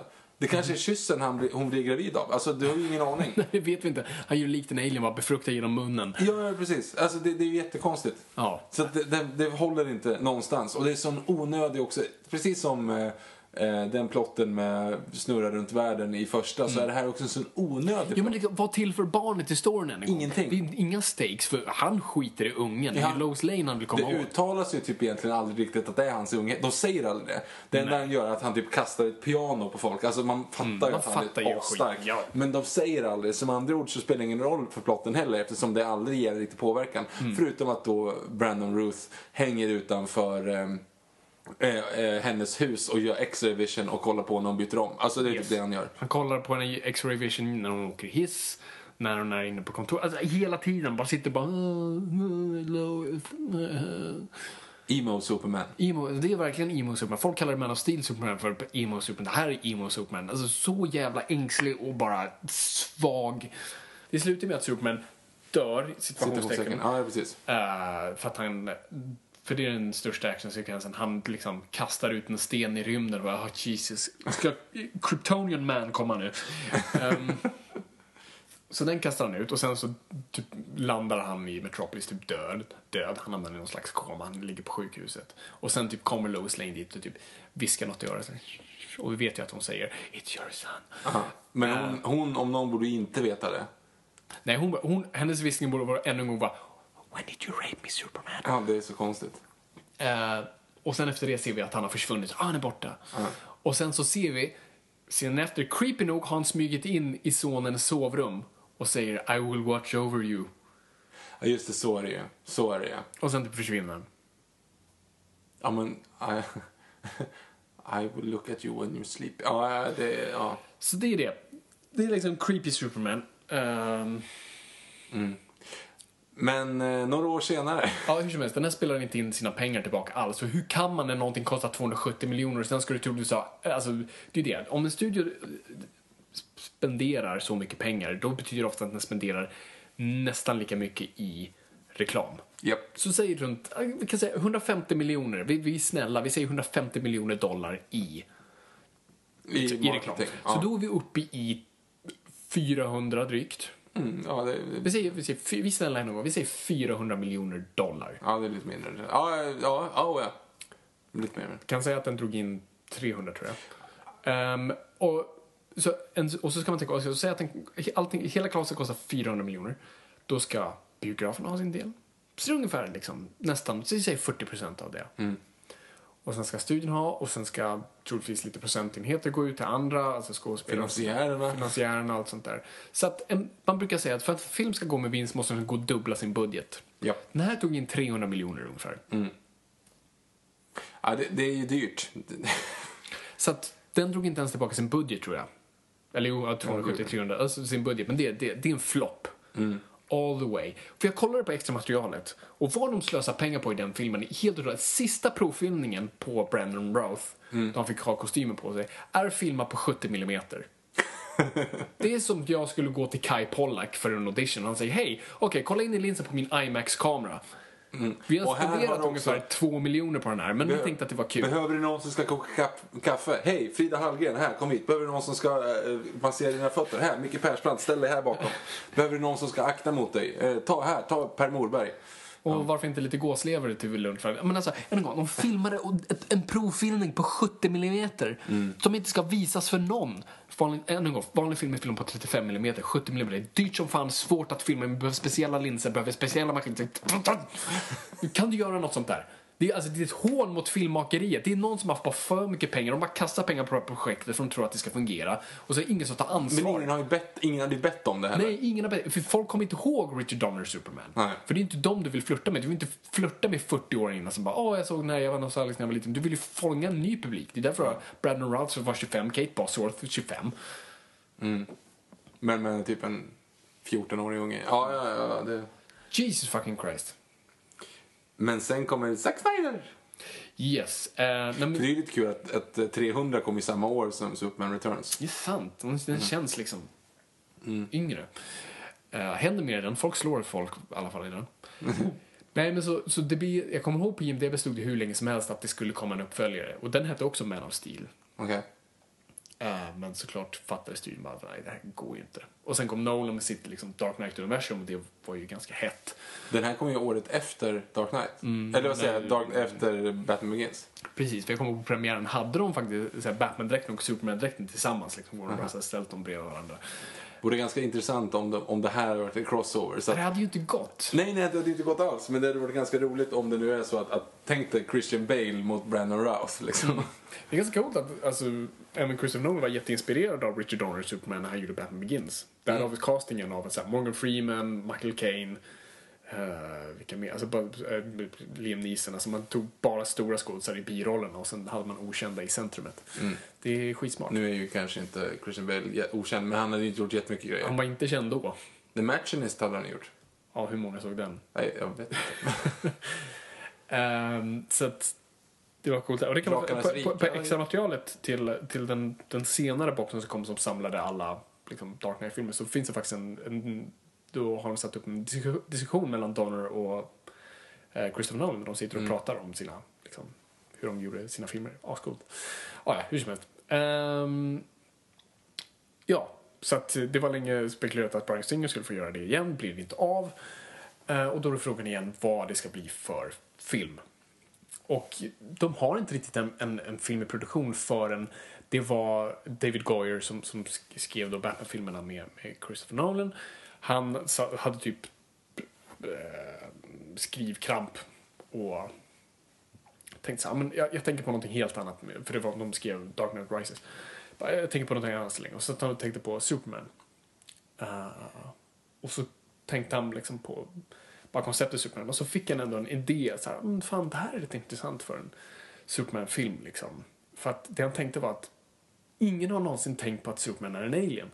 När Lois Lane intervjuar Superman för första gången så frågar hon, hon om vilka, vilken färg på trosor de har. Alltså de pratar som det vore, ah, så hur snabbt flyger du? Alltså det, det skulle ju vara den största sensationen någonsin. Så här, Shit, vi har en alien här som kan göra alla de här grejerna. Det här är helt sinnessjukt. Det här är beviset på liv på andra. Det här bara ifrågasätter allt vi kan prata om vetenskap och religion. Men ingen bryr sig. Så han Nej. tänkte, det kanske är lite så man skulle behandla någon som Superman om den dök upp på riktigt.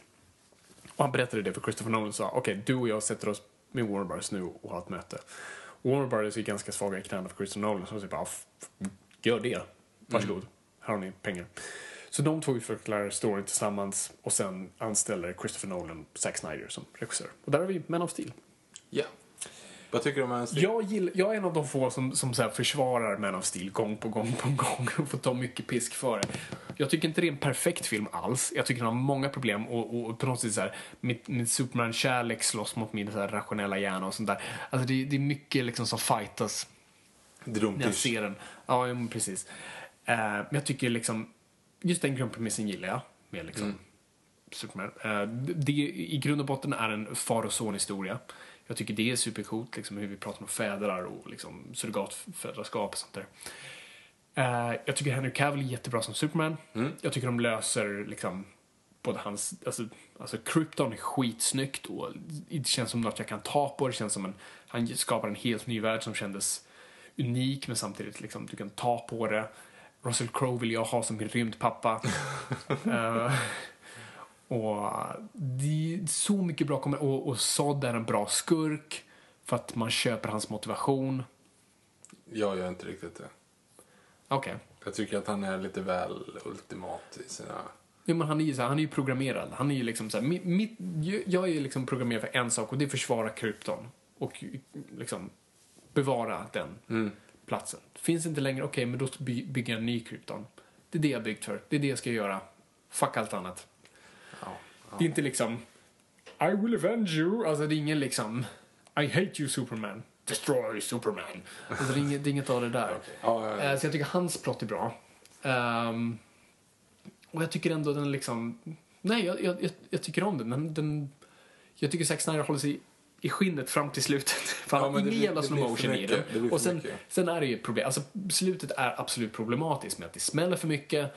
Eh, för mycket, på tok för mycket förstörelse som jag tycker de inte riktigt tar konsekvenserna av. Nu ser vi ju andra filmen som ska tydligen prata om konsekvenserna. Men jag tycker, det jag sagt för den här podden, en film måste tala för sig själv. Du kan inte uppfölja som sopar bort saker. Det är jättebra att den gör det, jag uppskattar det. Men filmen måste fortfarande tala för sig själv. För när jag såg filmen visste inte jag att Batman v Superman kommer härnäst och de kommer prata om det här. Utan man såg det bara, Jesus Christ. liksom, har vi redan glömt 11 september? Det här känns för nära liksom, hem. Ehm, och sen har jag också lite problem. Alltså jag förstår att det är det här det bråkar med, med, med att Superman dödar Zod.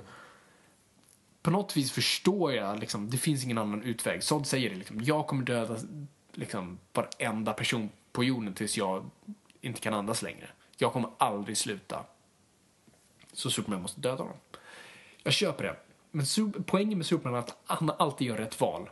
Han hittar alltid ett sätt. Men han kanske blir Superman i och med den händelsen. Absolut, jo, men det är det som också, det här är Superman begins i stort. Han lär sig, som Zack Snyder sa, liksom, du kan inte bara ha värderingar från ingenstans. Du måste lära dig, du måste ha en kurva där du lär dig någonting. Han kan inte bara vara supergod och lära sig, oj, jag dödade inte människor bara för att. Utan han ställde sig inför ett ultimatum, han gjorde någonting och vi ser honom sörja att han gjorde det. Han dödade den sista personen från hans hemplanet. Det var det sista som länkade honom med hans förflutna. Jag gillar den aspekten. Men det är fortfarande, Superman ska alltid göra rätt val. Det ska finnas ett, ett till alternativ. Jag vet inte, slit ut ögonen av honom då. Alltså, Ja, så. Ja. den, den hade jag kunnat liksom bara, okej, plupp. Ja, då hade du inte haft Doomsday i Batman vs Superman. Eh, nej, nej, nej det, det, det är sant. Men, men, eh, nej, men så, så, så det är mycket som, som bråkas, absolut. Men fram tills dess tycker jag, alltså, men det största problemet med, med, med Man of Steel som jag har, det, det är att den har tempoproblem. Den har ett enormt problem med hur den, med hur den är klippt och hur den liksom, hur, hur den inte lå, en film måste andas hela tiden. Och en film måste kommunicera med sin publik och det gör den väldigt sällan. För till exempel, ett bra exempel på hur, hur dess tempo inte fungerar är när du, har, du, du öppnar filmen på krypton, skitcool sekvens från liksom, du rider på drakar, du, liksom kung fu, Russell Crowe, en planet exploderar, vi ser liksom farkosten som Karl Eller kraschar på jorden. Och, sen, och så från det klipper du till nästa actionsekvens på oljeriggen. Och då blir man lite så här, kan inte jag få andas ut? Kan inte jag få ta in det här precis jag såg? Måste vi kastas direkt in i nästa sekvens? Och det är det som, det känns som att hela tiden ska hända grejer. Och jag hade velat ha liksom, ge mig bara, då klipper vi till scenen där Clark är i klassrummet som är en jättefin scen. Du vet när han börjar få sina kam- och du vet ser igenom sin lärare och sina kamrater. Vilket är en skitäcklig liksom, upplevelse för en ung pojke.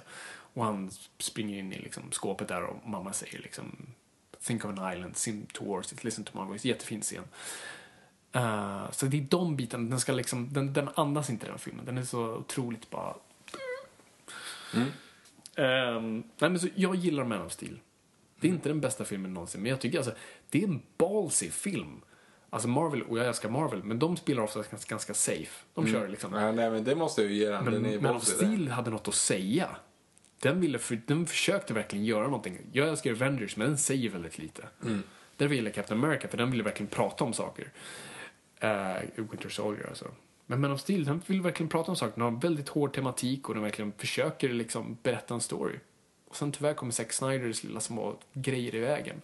Men, men. Ja, Mm. Ja, det, vi ska ju egentligen inte fortsätta gå mot framtiden för det är ju det vi ska... det ska vi jobba oss mot. Så vi, vi pratar om våra Man, Man, eller Batman Superman-drömmar nästa avsnitt antar jag. Precis. Jag tror att det blir så.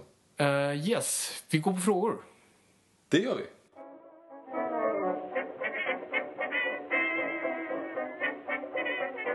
Ja, vi har ju fått några frågor Fabian. Yes. Det är väl lika bra att ta några Ta av dem. Det här är för långt och vi säger det för ofta men det, Men det här, är- det här är ju rekord.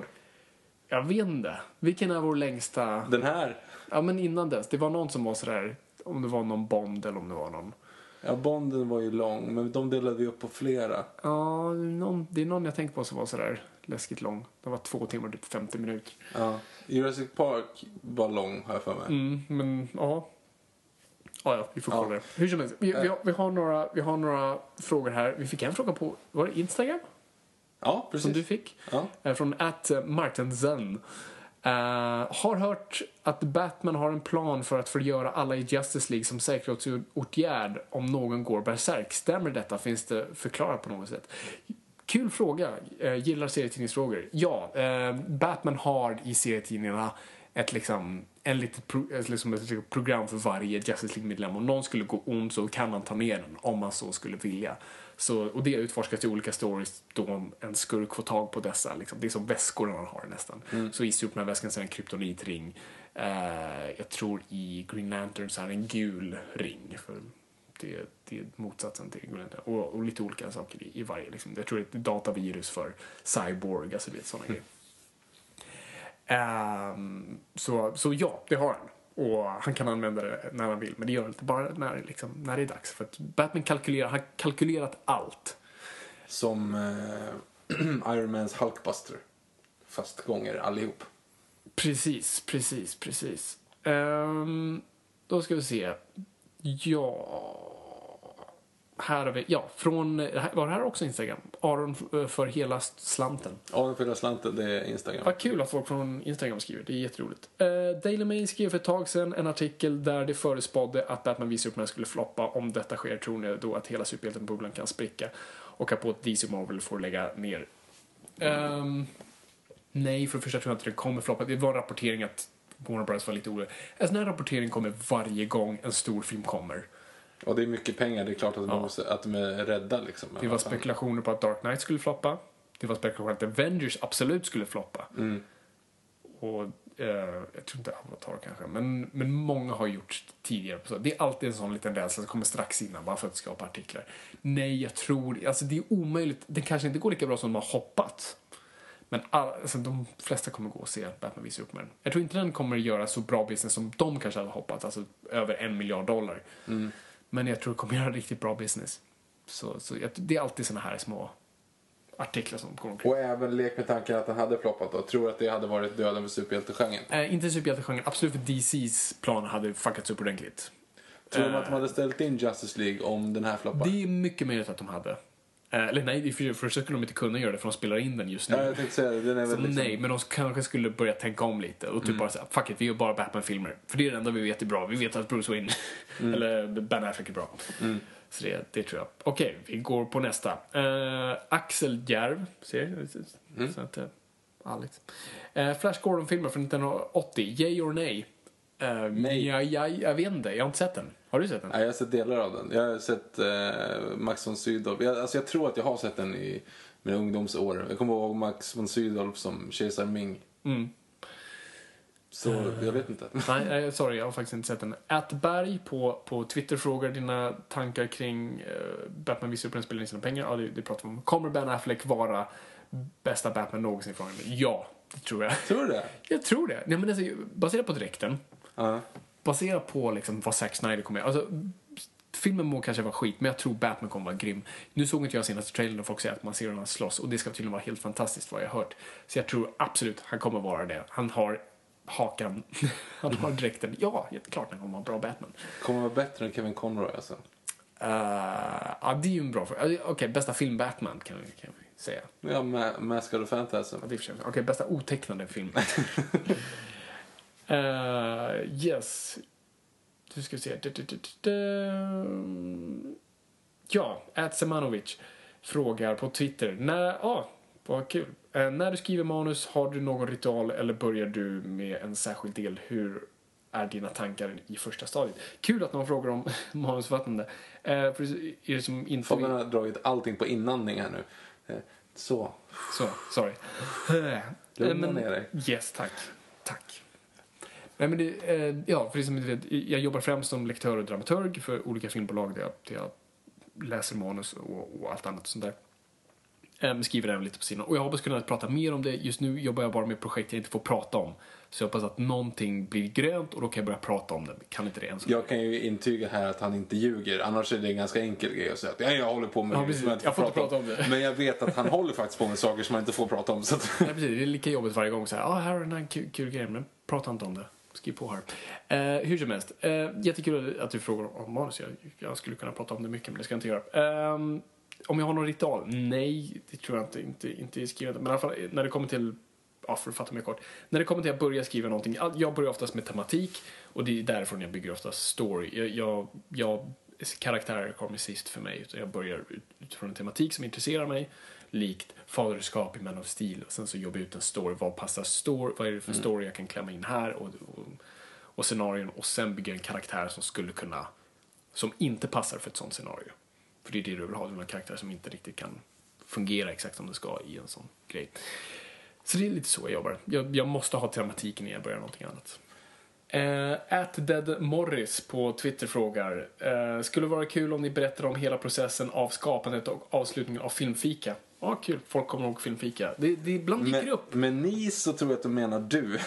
Ja, precis. Fast du hade ju en fot i det. ja, eller En liten fot. Eh, en tå i alla fall.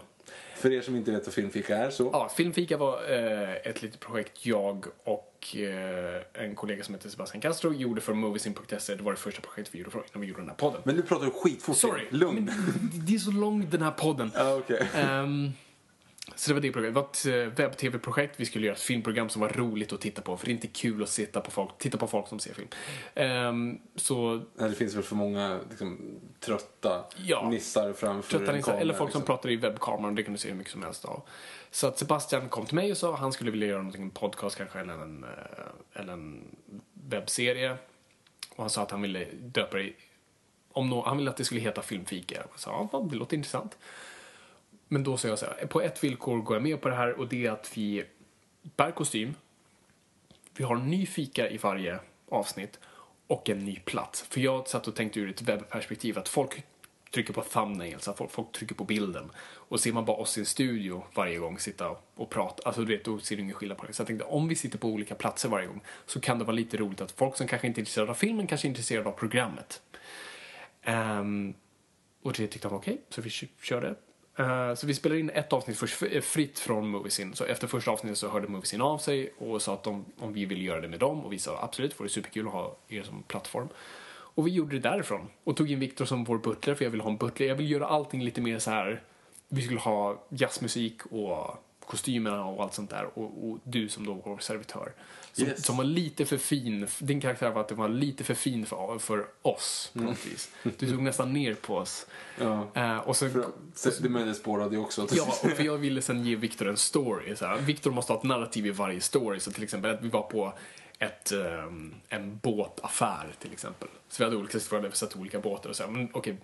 Och de var jättesnälla det här företaget som hade låtit oss vara där. Och vi skulle då göra lite reklam för dem. Liksom de, för de var schyssta. Så, men vi, gör, vi gör en Wilson av det här. så, Vikt, så Viktors karaktär var i stort sett i det avsnittet. Okej, du ska bara göra ful reklam. Du går förbi med skylten eller går till och med framför oss med skylt. Alltså du vet, du, du poserar med sådana grejer vi gjorde. Eh, och sen eh, mitt favorit var när vi skulle, jag fick för mig så här, vi måste vara på en sjö, bokstavligt talat. Mitt under vintern, när isen ligger som tjockast, ska vi vara på isen. Fy fan alltså. Så vi skulle spela in det där och jag en gång var relentless med att så här, vi måste alltid ha kostymer. Så att vi hade kostymer på oss och det var iskallt, det var alltså 10-15 minus. Men Viktor fick ha en päls på sig i alla fall, för han skulle vara lite finare än oss. Men storyn var att Viktor skulle fiska i bakgrunden. Så att vi två gick ut och köpte en jävla abborre som är den största abborren jag någonsin Ja, sett. den- Måste vara fiskad alltså- för utanför Hiroshima. Alltså, Ja, var, den var stor som ett hus. och Det var inte galt. En, en mindre häst. Det var helt sinnessjukt. Och det var så bra för då såg det ut som du kämpade mot när du, liksom, Mm. när du drog i spöet. Eh, och sen så skulle du då slåss mot den här fisken och det var en hel story med den här fisken. Ehm, nej men så, så vi gjorde den här showen, vi gjorde den under ett år och ehm, alltså problemet var ju delvis, alltså det tog väldigt mycket tid att göra. Eh, det tog mycket fokus från jobb och privatliv, alltså du ska göra en hel show om det var en gång i veckan eller varannan vecka. Eh, och se filmerna också, för vi ville prata om aktuella filmer. Och sen ska du filma det, du ska göra det snyggt, du ska klippa det och du ska göra ett manus runt det. Alltså det var så mycket jobb runt det. Så, och det blev aldrig liksom, hade det här blåst upp och blivit en stor grej, då hade vi nog kanske fortsatt. Men det blev aldrig den succén som vi kanske hade hoppats och då kände vi någonstans på att det här kanske inte går. Så vi gjorde det ett år och sen, ja, lite creative differences också, säga lite diplomatiskt och sen så leave it at that. Men det var jättekul att göra, jag är jätteglad att vi gjorde det. Och, Alltså några av de avsnitten är ju riktigt snygga. ni, kan fortfarande, ni som inte har sett det kan gå in på Youtube och se på Filmfika. Eller bara söka Filmfika. Så jag tror kanalen fortfarande ligger uppe. Jag styr inte den, det är Sebastian som, som sitter på de där grejerna. Ehm, så att det går, går att Ja, på. ja, några är ju, alltså Jurassic Park-avsnittet när jag hade den här kranen som kommer ner, Ja, zoomade just på er. Vi fan abonnerade Globen och körde ett Vi avsnitt. körde Globen i ett avsnitt och jag körde Bane. Ja. Eh, så nej, det var superkul. Många av grejerna. Så att, nej, det var, det var ascoolt. Men jag är så mycket gladare för den här podden, måste jag säga. Eh, mycket roligare. Jag håller med. Uh, yes. At Ashkan 9292 frågar eh, bästa ögonblicket i en Batman-film? Åh, det är en bra fråga. Jag satt och tänkte lite på den.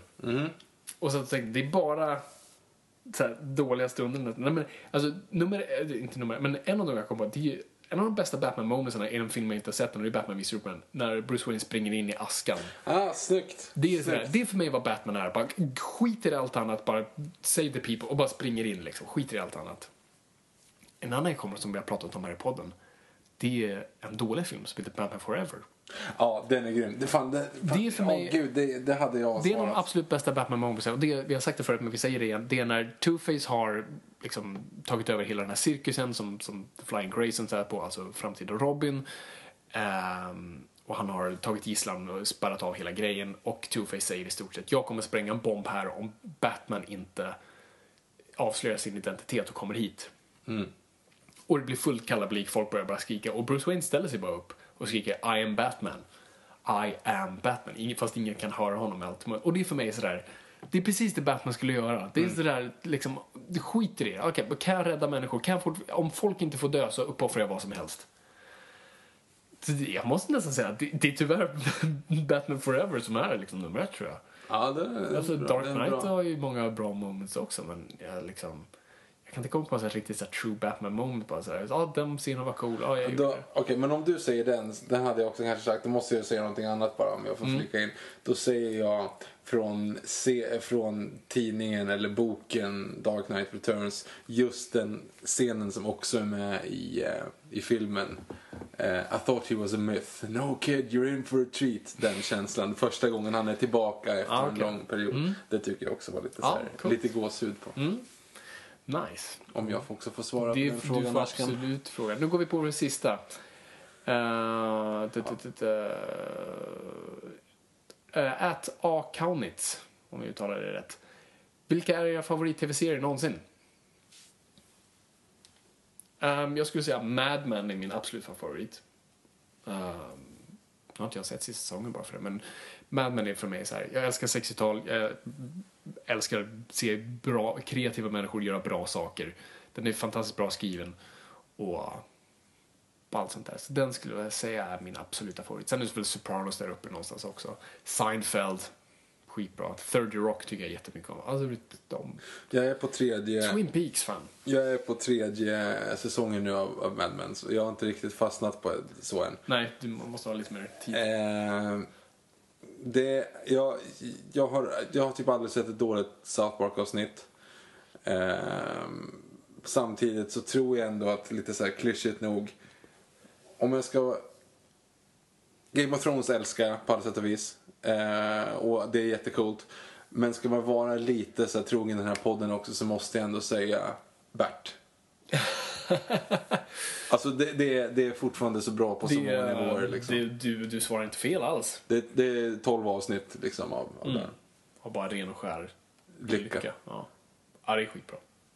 Så, det var Eller nej, okej, ja, och sen också Nile City såklart. Nile City, ja. så också, bara- sex avsnitt förvisso, det är bara liksom tre Men det spelar ingen timmar. roll, The Office, alltså brittiska som många anser vara bland det bästa, det är också bara, vad är det? Ja, det är typ 12 avsnitt, Eller, ja, jättekort. och fan Fawlty Towers, vad är det? Under 10 är. Ja, det är Åtta riktigt- tror jag, eller ja. sånt där. Det är helt sjukt. Nej, okej, men, men vi säger några riktigt bra serier som, det är ju självklart Nile City, självklart Percy Tårar. Pistvakt tycker jag är helt fantastiskt. Det. Eh, och så South Park. Alltså det, det, finns så mycket, det finns mycket guldkorn. Men ändå Bert är nog ettan ändå. Alltså. Det, är här, det här är verkligen perfekt liksom. Helt olika... Fan, Bert, Bert är perfekt. Bert är, Bert är perfekt. Eh, vi rullar ihop det här nu för att Ja, det har gått på tok för jävla långt. Men det är Superman, det är första Superman. Det är ändå, om det är någon som var värd så här mycket så är det väl det. Istället för typ, jag vet inte, um, kom på någon. Um, Cyborg. Styltmannen. ja, Elastic Man hade inte varit värd så här mycket tid. Hawkeye. Hawkeye hade absolut inte varit värd så här mycket tid. Så att Superman är jag ganska nöjd med om han får så här mycket tid. Ja. Så, tuna in nästa avsnitt. Vi fortsätter vår Batman v Superman-tematik. Precis. Vill ni komma i kontakt med oss så finns vi på Twitter. Eh, och där, enklast där är egentligen att söka på hashtag Noipod. N-O-J-P-O-D. Där. skriv gärna till oss på både Twitter, jag finns också på Instagram, men samma sak där. Skriv på hashtag Noipod, N-O-J-P-O-D. Eh, där finns jag. Och kom ihåg att ni måste ha öppna profiler för annars ser jag inte dem av förklarliga skäl. Eh, har också en Facebookgrupp. Gå gärna in och li- likea där för då kommer ni komma åt lite nyheter. Absolut, där kan man också höra av sig. Så ställ frågor där eller säg bara tummen upp grabbar. Precis, det får ni gärna göra. Och sen, mm, fan skriv en recension på iTunes eller bara sätt en liten stjärna där. Det är alltid trevligt. Ni får göra som ni vill. Ni får göra som ni vill, så länge det är bra. Eller ni får göra dåligt också. Det är, det är ett fritt land, men vi uppskattar bra saker mer. Ja, vi blir ju gladare om, om vi får... Det gör vi. Eh, och sen också bara, shoutout, tack så jättemycket för er som kollade på Oscarsgalan. Verkligen. Jag är ju, alltså, jag är stor beundrare av er att ni satt med oss och det värmde våra hjärtan. Och det är för er vi gör annars hade vi inte gjort det om det hade varit en person. Vilket säkert hade varit min mamma. Så hade vi stängt av. så det är jättekul att ni var med och tittade. Det var fler än vad jag trodde. Så att, eh, det är superkul. Ja, ska vi, sl- vi slår ihop det här? Vi slår ihop det här. Yes. Tack så jättemycket för att ni har lyssnat. Det är kul att vara lyssnad. Och kom ihåg, gott folk. Ingenting är för nördigt.